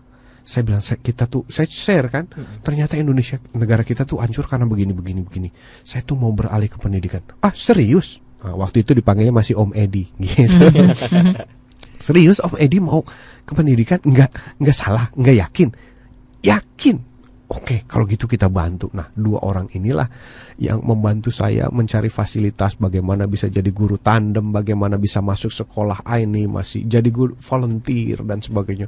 Terus satu lagi saya lupa namanya itu oh, nyariin buku-buku tebel. Jadi udah mulai dari situ awalnya. Belajar tentang ini, mendalami pendidikan, lebih gila dari pendidik yeah. gitu. Ya karena simple tadi pertanyaan tadi kemudian mulai tertarik tertarik sampai lahirlah sekarang sampai Indonesian Strong From Farm 7 tahun sampai akhirnya Pak Taufik duduk di mhm. sini mm -hmm. untuk bertestimoni di depan uh, smart listener juga mungkin keluarga sendiri di rumah mm -hmm. ya Pak Taufik. Jadi uh, kita dulu waktu awal-awal mengikuti kata hati itu gak jelas nanti ujung simpulnya mau di mana nih begitu waktu itu saya sendiri juga bingung setiap malam tuh nggak bisa tidur bener nggak sih ini yang saya lakukan nih Sampai saya bilang sama Tuhan, Tuhan, tolong kasih petunjuk saya bahwa apa yang saya lakukan ini benar dan bukan kegilaan. Karena teman-teman saya di Indonesia manggilnya Edi Gila gitu. Kenapa Edi Gila? Karena waktu itu eh, seangkatan saya itu sudah jadi director di perusahaan telekomunikasi. Minimal ya, VP. Karena terakhir saya mendekati itu. Mm -hmm. Jadi mereka selalu tawarin udahlah balik lagi aja kerja, udah balik lagi aja kerja, enggak pakai interview men katanya. Mm -hmm langsung join aja lu mau di mana sih katanya? Gitu. Tapi saya menolaknya gitu. Dengan halus dengan tidak bercerita pada istri saya gitu. Kan ini sebuah kegilaan besar sampai istri saya juga nggak tahu kejadian demi kejadian karena kalau tahu pasti nangis kan gitu. Nah tapi berujungnya itu pada sebuah kebahagiaan ternyata Nah itulah kenapa saya men-sharingkan ini semua dan pengalaman-pengalaman yang ditulis oleh John Izo atas -hmm. wawancaranya terhadap orang-orang yang tidak menyesali hidupnya adalah ternyata orang-orang yang memilih sesuai kata hatinya. Betul memang di awal-awal itu nggak jelas gitu simpulnya akan berakhir di mana. Tapi pengalaman saya seperti itu dan pengalaman ratusan orang yang diwawancarai oleh John Izo mengatakan bahwa when you follow your heart, mm -hmm. Anda akan sampai di happiness. Walaupun itu sebuah perjalanan panjang yang berliku mungkin harus naik turun dan terjal begitu kira-kira. Hmm, Oke, okay. kita gantian lagi ya, ya ke pertanyaan berikut. Ya. Kita ke Ibu Farida di Medan. Oh bukan Ibu ya, ini sepertinya masih muda ya ya. Uh, Assalamualaikum Ayah Edi. Waalaikumsalam. Uh, menarik sekali kalau kita Farida, ya. ya betul mengikuti kata hati. Setelah selesai kuliah, pastinya orang tua ingin anak itu bekerja dan orang tua saya menawarkan uh, tempat kerja di rekan-rekannya bahkan yang paling menjanjikan yaitu di sebuah perusahaan BUMN. Itu pikiran. Ya, tapi kata hati saya, saya hanya ingin mengajar untuk bisa mendidik generasi bangsa di mana di sana saya juga bisa belajar yes. dan itu merupakan kata hati saya. Yes. Dan saya yakin sekali bahwa itu akan menjadi manfaat ke depan. Nah, wow. ini apa yang perlu disikapi dari tadi ya? Pilihan-pilihan ya. orang tua juga nih, Ayah. Ya panjang lebar kita tadi membagikan pengalaman ya. Kita bisa mengikuti pikiran kita, ya berhitung untung rugi tadi. Oh sayang banget kamu nggak ambil ini kesempatan lo nggak semua orang bisa dapat nggak semua orang punya channel kayak BUMN berapa hmm. ini yang gini gini gini dan sebagainya berakhir hmm. itu kalau ngikutin pintar tapi kan kita nggak tahu ujung simpulnya di BUMN itu apa bisa hmm. jadi ujung simpulnya nanti di KPK hmm. gitu zaman sekarang ya tapi kalau kita ngikutin kata hati saya dan mungkin ratusan orang, mungkin termasuk Pak Taufik akan merasakan kebahagiaan di akhirnya.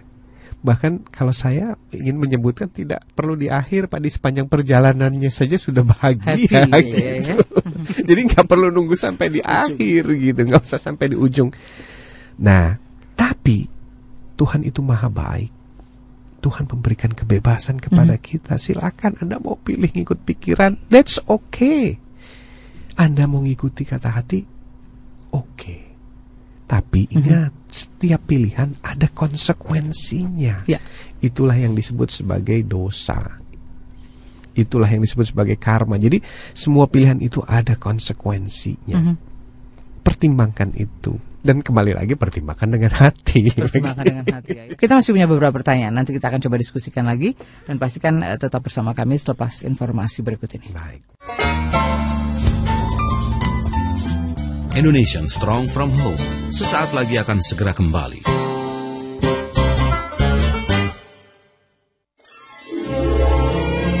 Memiliki umur yang panjang, termasuk hidup yang penuh dengan kesehatan, sungguh menjadi dambaan kita semua.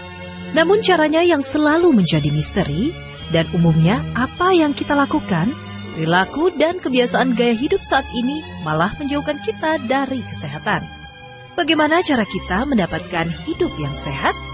Ikuti interaktif Radio Talk dengan topik 10 cara merusak jantung bersama Dr. Dia Novianti selaku konsultan medis dan Kristo Okulian, Health Communicator. Rabu 12 September jam 9 pagi di Smart FM. Branding merupakan bagian dari komunikasi yang memiliki tujuan tertentu. Branding itu adalah uh, sosok makhluk yang hidup yang bukan sekedar logo. Kalau dia misalkan sebagai orang, branding itu dia punya jiwa, dia punya raga, dia punya baju. Nah, logo tadi itu cuma baju. Agar tidak terjadi kesalahan dalam menerapkan branding, dengarkan Smart Branding yang akan mengulas semua hal tentang branding. Jadi nggak ada lagi tuh cerita bahwa yang namanya logo, yang namanya baju sebuah branding itu cuma kira-kira doang. Harus berbasis dari value. Smart Branding bersama pemerhati dan praktisi branding Silih Agung Wasesa setiap Kamis jam 8 pagi hanya di Smart FM. Branding make you different.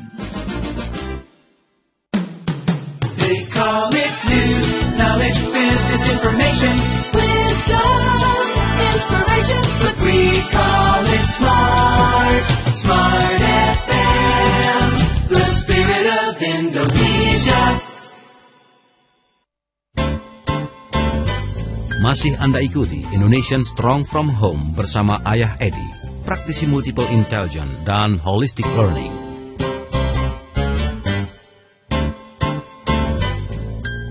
Ya, kita masih di dua sesi terakhir di perjalanan kita di Indonesian Strong From Home dan Edi juga masih mengulas tentang Follow Your Heart. Nah, sekarang saya ikuti dulu kata hati saya ya. Terima telepon dulu. Boleh, silakan. Sudah ada yang ingin kembali bergabung. Halo, selamat malam. Selamat malam. Selamat malam, Ibu. Assalamualaikum. Waalaikumsalam. Waalaikumsalam. Dari siapa di mana, Ibu? Dari Ibu Hayatun di Medan. Ibu Hayatun di Medan. Silakan, Ibu. Iya.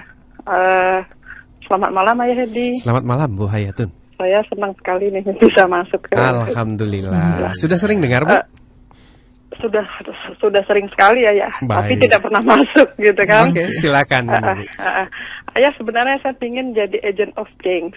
Iya. Nah, terus saya minta tahu caranya gimana. Of change apa nih Bu? Indonesian Strong From Home maksudnya? Ya. Seperti Pak Indonesia. Taufik ya? Ya, ah, ah, caranya itu yang pertama. Ya, Yang Medan kedua, luar saya- biasa nih banyak sekali. yang kedua Hmm. saya pernah dengar waktu itu ayah bawa narasumber yang Mm-mm. yang dia bule gitu loh ya. Oh Terus ya. ada buku. Dennis tapi Dennis saya Tritin ya. Ya. Namanya Dennis Tritin. Oh, Dennis. Nah, saya mau cari bukunya gitu loh ya. Iya. Mm-mm. Ya, terus eh, judul bukunya itu. Oke. Nah, sekarang ini saya mencoba jadi agent of change apa benar apa enggak. Jadi sekarang buku Indonesia Home itu kemarin saya beli 10 ya. Ya. Saya bagiin sama teman-teman bahwa biasa, Bu. inilah gitu loh ya. Yuk Ya. kita sama-sama gitu ya bahwa jadi ke sekarang kalau ketemu sama teman-teman tuh ngomongnya itu ya gitu. Saya nggak mau Subhanallah. ngobrolin yang gosipin macam-macam gitu ya. Subhanallah. Tapi yang paling ya saya Allah, ya ingin kali adalah agent of change itu caranya gimana. Baik. CD ayah juga saya punya dan Mhm. waktu dengar itu yang apa hmm, anak yang tidak bisa mendidik atau anak yang tidak bisa dididik atau. Orang orang, tua yang tidak bisa bisa. mendidik Mhm. gitu ya. Sudah berkeluarga, Bu Hayatun? Ya, Sudah berkeluarga? Sudah ayah punya anak dua dan Iya. saya single parent ayah. Oh, luar biasa Ibu. Ah, ah, saya ditinggal suami Iya. meninggal sudah 9 tahun yang lalu. Ya. Pas dengar CD itu gimana tadi Ibu? Ya, jadi pas dengar CD itu hostnya itu ternyata teman saya Ika Mulyono. Oh. Wah, saya langsung telepon Ika kan. oh ya gini-gini gitu. Oh ya, Mbak Atun sekarang udah suka di situ. Oh iya, saya sekarang senang di sini karena anak sekarang yang besar Iya. umur 12, Iya. Iya, yang iya. kecil umur 10. Iya, iya, iya, iya. 10 tahun. Jadi eh, sambil kita belajar, sambil juga mengajar maksudnya. Maksudnya Oke. gitu ya. Nah, Ya, saya ya. minta Itu Baik. saja Bu. Saya juga ya. masuk ke komunitas ayah. Oh, apa, luar biasa. Facebook. Selamat ya, Bu ya. Oke. Jadi bagian Makasih, dari Ayah. Indonesian Baik, Start from Bu Home. Oke, ya. Hayatun, terima terima kasih. Selamat Terima kasih malam. kembali Ibu. Oke, ingin jadi agent of change. Nah, kalau bukunya Dennis Tritin ini sudah bisa didapatkan di toko-toko buku terdekat ya, ya. Ya di Gramedia ada. Uh-uh. What I knew Eh, I wish ya, I ya, wish. What I wish I knew when I 18 ya. uh, when I was 18. Ya. Oke, nanti mudah-mudahan bisa didapatkan ya di eh, toko-toko buku terdekat. Ya, bukunya warna hijau, Bu. Mhm. Apa yang perlu diketahui anak 18 tahun itu Betul, intinya. itu ada dalam bahasa Indonesia dan dalam eh, ini ya, bahasa Inggris Bahasa ya. ya. Tapi di Indonesia bahasa Indonesia. Betul. Nah ini kalau ingin menjadi eh, agent perubahan dari Indonesian Strong From Home sendiri apa nih yang perlu dilakukan? Saya ada nanti persyaratan khusus? coba menjelaskan sedikit ya nanti Mhm. eh, mungkin Pak Taufik bisa sharing. Eh, eh, yang pertama begini Bu, Eh, dulu saya banyak yang ngajak bikin organisasi Ayah Edi, jadi komunitas-komunitas kecil membuat organisasi. Akhirnya saya katakan "Ah, lebih baik kita nggak usah berorganisasi tapi inisiatif pribadi saja. Nanti kalau udah organisasi ada kepentingan, ada yang ingin jadi bendahara, ada yang pengen jadi sekjen, ada yang jadi itu, jadilah kita partai nanti. Nah, jadi lebih baik inisi- inisiatif pribadi kita ingin eh, sebatas mana kita berkontribusi, semampu kita sampai di mana, apa yang mau kita lakukan dengan ikhlas melakukan ini. Akhirnya eh, saya menetapkan Bu untuk syarat jadi agent of change itu adalah tanpa syarat. jadi syaratnya tanpa syarat. Nah, eh satu-satunya yang diperlukan adalah keikhlasan yang saya mohon. Jadi kalau udah ikhlas terserah mau apa yang dilakukan eh, hanya untuk kebaikan kita ya, bukan kebaikan saya, bukan kebaikan Indonesian Strong From Home. Ini cuma eh, alat bantu pengikat aja, identitas saja Indonesian Strong From Home. Tapi yang perlu kita lakukan adalah inisiatif pribadi. Kira-kira bagaimana bisa membantu? Kalau saya sudah terbantu bagaimana orang lain bisa terbantu seperti saya? Nah caranya seperti apa? Nah mari kita coba tanyakan seperti apa sih versinya Pak Taufik gitu. Jadi versi ibu boleh beda boleh sama boleh dikombinasi begitu gimana Pak Taufik Oke, Ibu siapa tadi ya? Ibu Hayatun. Hayatun, Ibu Hayatun ya Hayatun. berkaitan dengan agent of change ataupun apa pun namanya. Kalau kami pribadi melihat yang pertama kita lihat itu dulu apa niatnya. niat ya Nah, niat.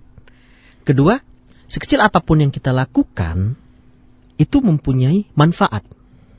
Ya luar biasa yang Ibu lakukan tadi membeli Membagi buku, buku, ya. membagikan buku kepada lingkungan sekitar ada satu teman kita juga di Medan itu Bu Eni namanya. Oh Bu Eni ya. Bu Eni Kusmati itu sampai membelikan tiket untuk guru-guru siswa anaknya, guru-guru anaknya dan tetangganya untuk menghadiri seminar ayah waktu itu. Seminar ayah ini yang di Hotel Madani. Oh, iya, 10 tiket kalau nggak salah waktu itu 10 beliau tiket, belikan. iya. Luar biasa kan? Jadi semua cara itu tinggal kita bagaimana melakukannya. Tapi yang pasti yang utama kita lakukan itu adalah dengan niat dan ikhlas tanpa ada pretensi apa pun. Eh, lebih ke arah hati ya Pak. Hati. Bukan pikirannya, bukan Kalau pikiran. udah hati itu kita ikhlas, apa pun ya udah jalan aja. Ada yang ada yang minta CD dari sini, udah kita bilang ini oke. Iya. Yang penting kamu memberikan CD ini tolong dibagikan, redistribusikan sebagai hadiah tanpa ada apa pun. Walaupun ada yang menanyakan bagaimana dengan biaya pengiriman, biaya pengadaan tidak ada sesuai dengan diri yang diamanatkan oleh beliau dan juga dari Smart FM ini semua tanpa ada na- nilai profit. Jadi free free aja udah. Yang penting alamat jelas nomor telepon untuk mempermudah proses pengiriman. Jadi berkaitan dengan cara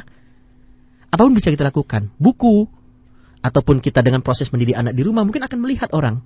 Mungkin lebih mengenal selain dari buku proses parenting kita pada saat dengan enjoy itu ngobrol-ngobrol dengan orang yang tidak kita kenal sekalipun melihat mungkin yang melihat bagaimana mungkin di lift pada saat di tempat umum area umum Ananda Faiz bertanya ini lu kok Pak bisa gini ya saya bilang kalau saya sih saya bebasin selagi memang tidak ada risiko untuk diri beliau sendiri tidak ada risiko untuk keselamatan keamanan ataupun tidak ada risiko untuk mengganggu orang lain. Ya. kok bisa Pak? Ya di situ kita masukkan. Saya dapatnya dari sini. Coba cari bukunya di sini. Ya.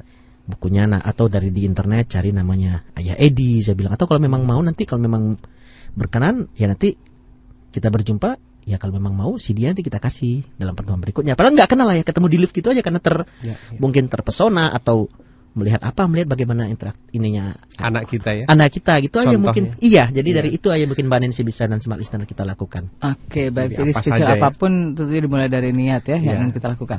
Oke, ada lagi Mas Bowo? Oh, belum belum ada ya. Kita Contoh lainnya Oh, misalnya. boleh, Pak. silakan ya. Contoh lainnya ada eh, komunitas kita yang eh, memberi alamat Ayah Edi jadi lebih mudah misalnya. Iya. Jadi Ayah Edi blogspot.com jadi ayahedi.com itu Pak Muhammad siapa begitu ya. Itu juga luar biasa kan. Simple gitu. Saya juga nggak kepikir tapi beliau kepikir Ayah Edi pakai ini aja saya yang buatin. Pokoknya saya ikhlas gitu pakai. Terus ada lagi misalnya seperti Pak Taufik ya juga sama Bu Mei. Kalau ada pertanyaan-pertanyaan saya nggak sempat jawab Pak Taufik sama Bu Mei jawab dengan detail gitu. Padahal kan kita perlu kesabaran loh menjawab karena pertanyaan yang sama tuh bisa 10 kali 10 orang ajukan. Berarti 10 kali 10 udah 100 kali pertanyaan yang sama diajukan kan. Jadi kalau kamat, komunitas kita tidak saling sharing dan mau membagikan kan kebayang kalau misalnya hanya mengharapkan dari saya begitu. Itu juga bisa dilakukan. Terus eh, ngajak aja ngajak yuk kita dengerin deh Smart FM itu saja sudah luar biasa gitu. Jadi apa pun bisa dilakukan Bu Hayatun dan jangan khawatir Bu, hukum tabur tuai itu benar-benar ada.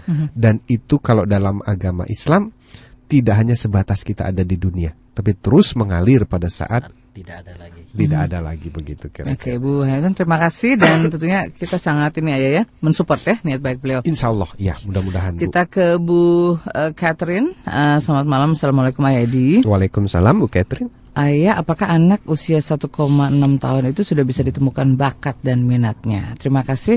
Salam untuk Pak Taufik katanya. Waalaikumsalam Eh, sudah bisa ditemukan dalam bentuk sketsa. Iya, sketsa. Jadi kalau lukisan tuh biasanya kalau pelukis maestro sebelum melukis dia buat garis-garis halus. Nah, sketsanya, sketsanya sudah mulai bisa kita raba. Misalnya kalau anak kita nangisnya kenceng, teriakannya keras, oh itu sketsanya nanti kalau besar dia akan jadi eh, wilayahnya manajemen kepemimpinan. Tapi kalau anaknya eh, nangis gitu. Nah, kita lihat nangisnya kalau air matanya lebih banyak daripada suaranya. Wah, ini kemungkinan kalau nggak art itu wilayahnya science. Jadi bukan main nih. Allah me- memberikan tanda-tanda itu. Saya pernah buat talkshow-nya membaca tanda-tanda kebesaran Tuhan dalam diri. Hanya seperti saya katakan, semakin kecil usianya semakin tipis sketsanya. Nanti semakin besar, semakin besar, semakin kelihatan mengarah dan itu semakin jelas. Nah, pesan saya adalah begini. Kalau kita memang sudah biasa mendengarkan program Indonesian Strong From Home, maka kita akan menjadi orang tua yang membimbing anak sesuai fitrah yang diinginkan Tuhan, bukan diinginkan oleh kurikulum dan ujian nasional. gitu. Karena itu yang membantai anak-anak kita sampai pada akhirnya usia 26 tahun atau eh, 27 tahun, saya harus ke mana, saya harus bagaimana dan saya belum menemukan kan eh, ini sebuah bukan kesalahan beliau, tapi sebuah kesalahan sistem yang dilanggengkan begitu. Nah, mudah-mudahan melalui kita secara pribadi, mulai dari rumah, keluarga kita sendiri, melakukan perubahan-perubahan, menemukan fitrah anak kita dan mengarahkan ke sana, mengikuti kata hati, bukan pikiran tadi. Bicara untung rugi, saya bersyukur bahwa eh, tadi Farida ya Mm-mm. tidak tergoda oleh godaan BUMN, Hmm, tawaran gaji oleh besar orang dan tuanya ya. sebagainya. Hmm. Saya tetap harus begini. Itu yang membahagiakan. Itu yang diinginkan Tuhan. Mhm. Dan itu pahalanya luar biasa ya. Seperti Oke, itu Bu Catherine, terima kasih. Dan kita lanjut lagi ya, ya ke yang berikut eh, pertanyaan dari 0857 2251 dan seterusnya. Apakah hasil psikotes eh, bisa menggambarkan minat dari kata hati seorang anak? Eh, Pak Howard Gardner itu 20 tahun melakukan penelitian terhadap anak ya 20 tahun. Saya membayangkan 20 tahun itu kan waktu yang sedikit ya. Saya menjalani sekarang baru 10 tahun. Separuh. Separuhnya Pak Howard Gardner. Beliau mengatakan saya tidak percaya pada tes dan anak kita bukan untuk dites tapi untuk diteliti, diobservasi, diamati kecenderungan demi kecenderungannya yang selalu berubah berubah sampai ketemu konsistensinya. Sementara tes itu bergantung pada apakah tesnya benar, apakah pertanyaannya dipahami, apakah anaknya mood waktu mengerjakan saat itu. Jadi banyak faktor yang membuat deviasi tes itu sangat tinggi. Oleh karena itu dalam konsepsi eh, Indonesian Strong From Home kita sharingkan kepada orang tua supaya orang tua bisa melakukan pengamatan sendiri. Jadi nggak bergantung pada pihak tertentu. Tapi kalau masih mau percaya sama tes, nggak apa-apa. Hidup ini pilihan dan setiap pilihan ada konsekuensinya. Jadi seperti itu. Saya sendiri sudah tidak lagi menggunakan tes demi tes. Karena tes itu kata Pak Howard Gardner ya, lebih banyak unsur negatifnya. Ambil contoh begini. Kalau dites anaknya Pak Taufik superior, oh, pasti Pak Taufik langsung, wah anakku superior gini-gini. Terus neken ke anak, kamu kok coba dapat segini, kamu kan superior. Nah itu efek tes. Tapi kalau seandainya inferior misalnya di bawah rata-rata, ya bunda wajar anak kita di bawah rata-rata. Ya udah nggak apa-apa nak, kamu memang nggak pantas jadi orang. Jadi bisa membuat tertanam di mindset itu. ya. Persis, persis. Jadi kata Howard Gardner di bawah rata-rata begitu, di atas rata-rata begitu. So ya kalau gitu nggak usah dites. Sampai Pak Howard Gardner itu menghitung ya, anak mulai TK di Amerika sampai mereka kuliah itu ada 1200 lebih tes yang telah dicekokkan ke kepalanya dan itu tidak bermanfaat kata Pak Gardner. Makanya beliau mengusulkan perubahan dari tes ke observasi. Amatilah dan yang lebih menyejukkan adalah siapa pengamat terbaik orang tuanya. Mari kita belajar caranya setiap hari di Indonesian Strong From Home. Oke, semoga banyak manfaat. Terima kasih Bu Hayatun, Bu Catherine dan juga eh, 08572251 ya. Dan kami masih ada satu sesi lagi. Jadi pastikan Anda masih bisa menggunakan kesempatan dan waktu untuk bisa berinteraksi 021 398 33888 atau di 0812 11 12 959. Follow your heart dan kita sudah ikuti kata hati kita ya. Sudah hampir sampai di penghujung kita ya. ya. Oh, nggak kerasa ya? Tidak terasa dua jam. Dua jam ya. Kalau dibayangin dua jam gitu loh. Tapi karena tadi sudah mengikuti kata hati ya, Iya. ya, eh, maka itu akan bisa kita jalani dan kita bisa eh, menikmati ya. Mungkin seperti pengalaman Pak Taufik tadi, jadi bisa lebih enjoy dan lebih happy dalam melakukan apa yang ingin kita lakukan untuk keluarga kita. Kita ada kesempatan lagi untuk menjawab yang berikut ayah dari 0812 6568. Eh, Assalamualaikum Ayah Edi. Waalaikumsalam. Setelah saya analisis, sepertinya saya ini tipenya pragmatis melankolis. Wow. Saya seorang guru, saya senang dengan profesi saya, tapi saya suka menunda-nunda pekerjaan ya, ya. Bagaimana agar saya lebih mengenali diri saya sendiri? Flekmatis melankolis ya. Mm. Itu adalah tipe guru memang. Mayoritas guru-guru saya di SI itu adalah flekmatis. Eh, melankolis ya. Ada flekmatis terus ke sanguin. Tapi unsur dasarnya selalu flekmatis dan biasanya ini dicintai oleh para muridnya. Gitu. Makanya kita jadinya akhirnya kalau memilih guru rata-rata yang unsur dasarnya flekmatis dulu. Kemudian larinya ke melankolis baru eh, atau ke sanguin. Nah, memang eh, Tuhan itu maha adil ya. Jadi satu paket itu kelebihan sama kekurangannya.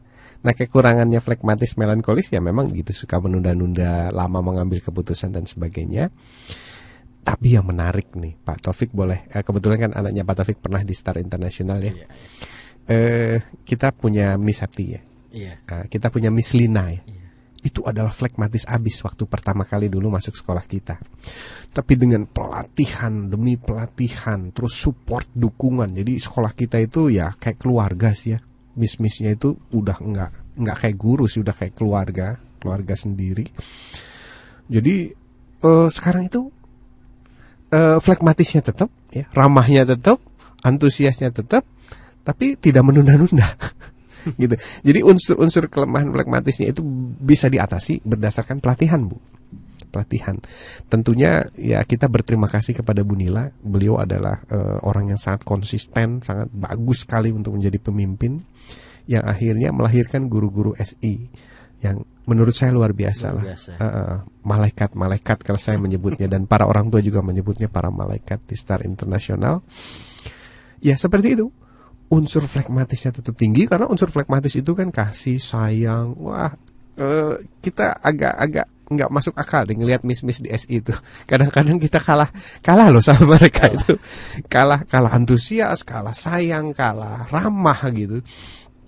Nah, jadi kuncinya melatih diri. Saya juga punya kelemahan sebagai seorang koleris eh, sanguin. Saya melatih diri bagaimana berhadapan dengan miss-miss saya yang flekmatis.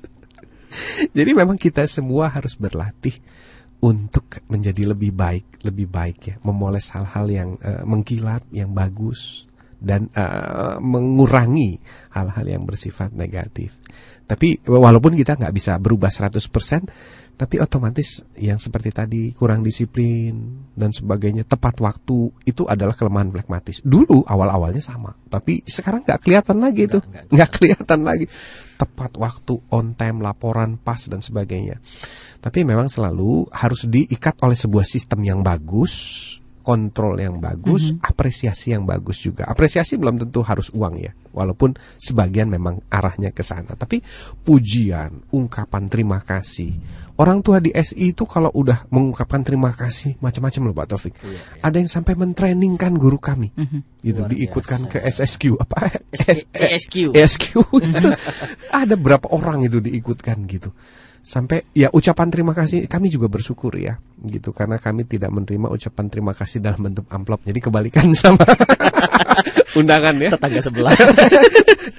resepsi pernikahan tapi kalau yang lain-lain yang bersifat development dan sebagainya kita masih eh, terima begitu karena untuk kebaikan begitu kira-kira Nancy Oke, kita pelatihan lanjut. bu kuncinya Masih ada kesempatan ya untuk eh, beberapa pertanyaan ayah. Ini ada tiga, tapi nanti yang dua mungkin bisa jadi satu saja. Saya bacakan dari Pak Hamid Rusli di Bekasi. Apa bedanya kata hati dengan kebiasaan? Dari Pak Suyudi di Balikpapan.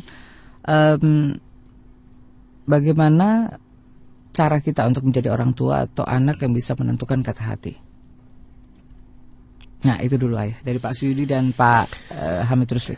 Eh, Pak Hamid nanti saya jawab ya untuk Pak Pak siapa yang kedua Pak Suyudi. Eh, bagaimana supaya kita bisa membimbing anak mengikuti kata hati ya. menjadi orang tua atau anak yang bisa Iya. menentukan kata hati. Nah, jadi nanti hari Sabtu, ini acara ini ada ulangannya, Pak. Jadi yang kita bahas dua jam yang lalu itu semuanya adalah bagaimana kita bisa menjadi orang tua yang membimbing anak mengikuti kata hati. Gitu. Itu lengkap, Pak.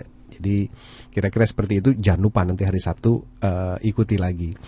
Tapi kalau Pak Hamid ini kan pertanyaan baru ya, Mhm. yang memang belum kita ulas gitu. Eh, apa sih kata hati sama habit? Jadi begini, eh, kalau kebiasaan itu adalah sesuatu yang kita lakukan berulang-ulang. Kebiasaan, misalnya begini, eh,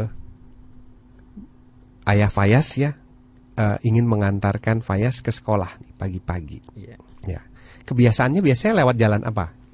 Satu jalan. Eh, eh, satu jalan tertentu, misalnya iya, jalan, apa? Jalan Gaharu. Jalan Gaharu. Medan. Itu jalan Gaharu. Nah, kalau mengikuti habit atau kebiasaan biasanya setiap hari jalan Gaharu. Setiap hari jalan Gaharu. Tapi suatu ketika pasti ada kata hati bilang cari jalan lain loh. Nanti kalau ada macet gitu kan. Jadi punya jalan lain keluar. Tiba-tiba langsung tek, ah nggak lewat Gaharu hari ini.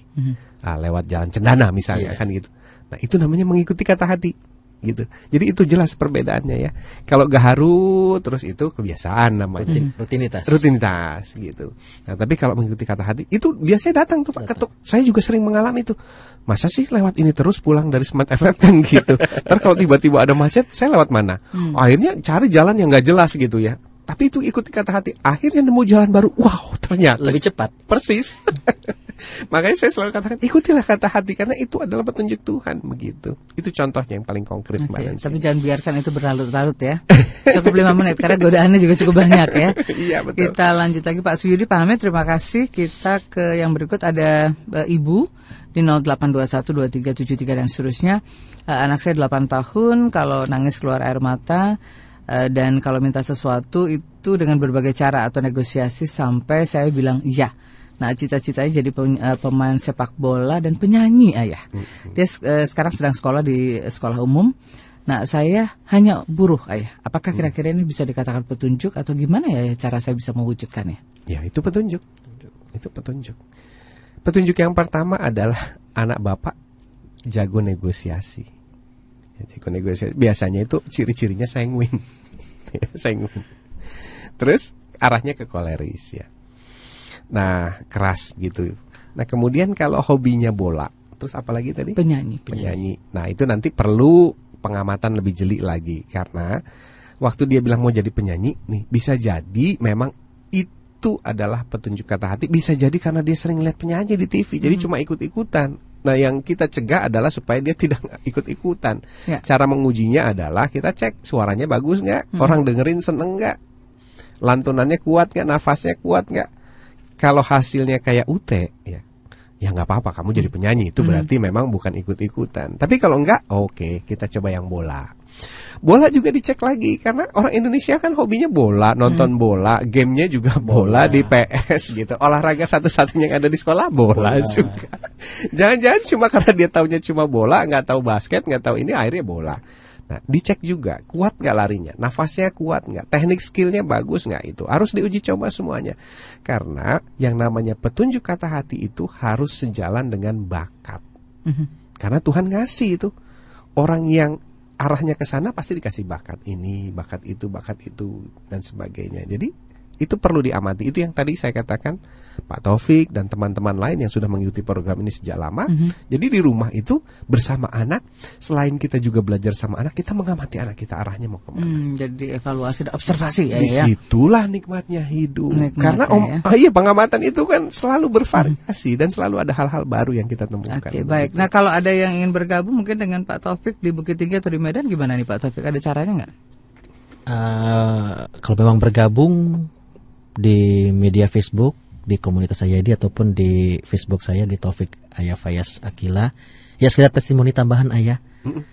Alhamdulillah kadang-kadang ada inbox yang masuk. Oh ya, konsultasi bertanya ya udahlah kita. Alhamdulillah yang ter- ada beberapa yang memberikan feedback.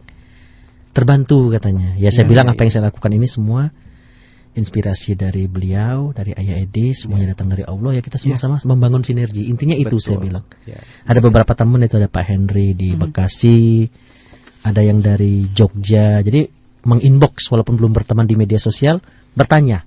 Karena selalu jawaban terakhirnya kami sudah menginikan ke beliau ke Ayah Edi tapi belum ada responnya. Kita jelaskan bagaimana Ayah Edi itu per hari kalau cerita di inbox, di email itu ratusan. yang kadang-kadang mungkin pertanyaannya sama. Sehingga kadang-kadang muncul di talkshow ataupun di Dibahas Facebook di talkshow, dibahas, diakumulasikan, dikompi- dikompilasikan menjadi satu tema, Tema, yang mendekatin. sekali. Jadi itulah testimoni-testimoni mungkin bergabung di Facebook. Paling gampang di komunitas- Facebook. Facebook, di eh, ya. komunitas Iya. saya Edi ya. Komunitas ID Baik. atau ayah ayah Taufik ya. Ya, Ayah Fayas Akila tadi ya. Oke, Ayah ada kesimpulan mungkin yang bisa kita ambil dari apa yang kita eh, bahas dan ini bisa jadi inspirasi kita minggu ini. Ya, saya ingin mengajak kepada diri saya, keluarga saya dan kita semua orang Indonesia untuk mari yuk kita ikuti kata hati kita yang itu merupakan petunjuk dari Tuhan. Karena bangsa kita ini dibesarkan bukan dengan kata hati, tapi dengan cara berpikir orang pintar. Kalau kata hati itu orang bijak untuk kemaslahatan umat. Tapi kalau orang pintar itu untuk kepentingan dan keuntungan siapa? Nah, kalau kita berani dan mau saja merubah mulai saat ini, paling tidak diri sendiri dan keluarga, mulai coba mengikuti kata hati, insya Allah bangsa ini berubah deh. Bayangkan coba, kalau ibu siapa tadi Hayatun Mhm. ngikutin pikiran, dia akan berhitung, uh satu buku ayah Edi enam puluh sembilan ribu, sepuluh sudah hampir setengah juta, eh, setengah Setengah juta, juta lebih, lebih, ya. belum biaya kirim dan sebagainya. So begitu ngikuti kata hati tidak Mhm. jalan. Jalan. Dan apa efeknya? Bisa berantai itu, bisa multiplier. Ratusan orang bisa tercerahkan. Oke, menjadi manfaat ya untuk banyak orang. Persis sekali. Terima kasih Baik. sekali lagi. Eh, Edi terima kasih dan Pak Taufik juga terima, Terima kasih kasih, Mas Putra. Nancy. Thank you ya. Dan semua listener terima kasih atas kebersamaan Anda. Semoga banyak eh, tentunya manfaat yang bisa kita petik lagi di Amin. pekan ini Mudah-mudahan. dan ini Rabbal bisa alamin. kita aplikasikan eh, tentunya ke depan. Ya, Channel Coba Kuginta. Saya Ayah Edi. Let's make a nation strong from home. Telah Anda ikuti Indonesian Strong From Home bersama Ayah Edi. Untuk konsultasi dan seminar, hubungi 0816 182 2323.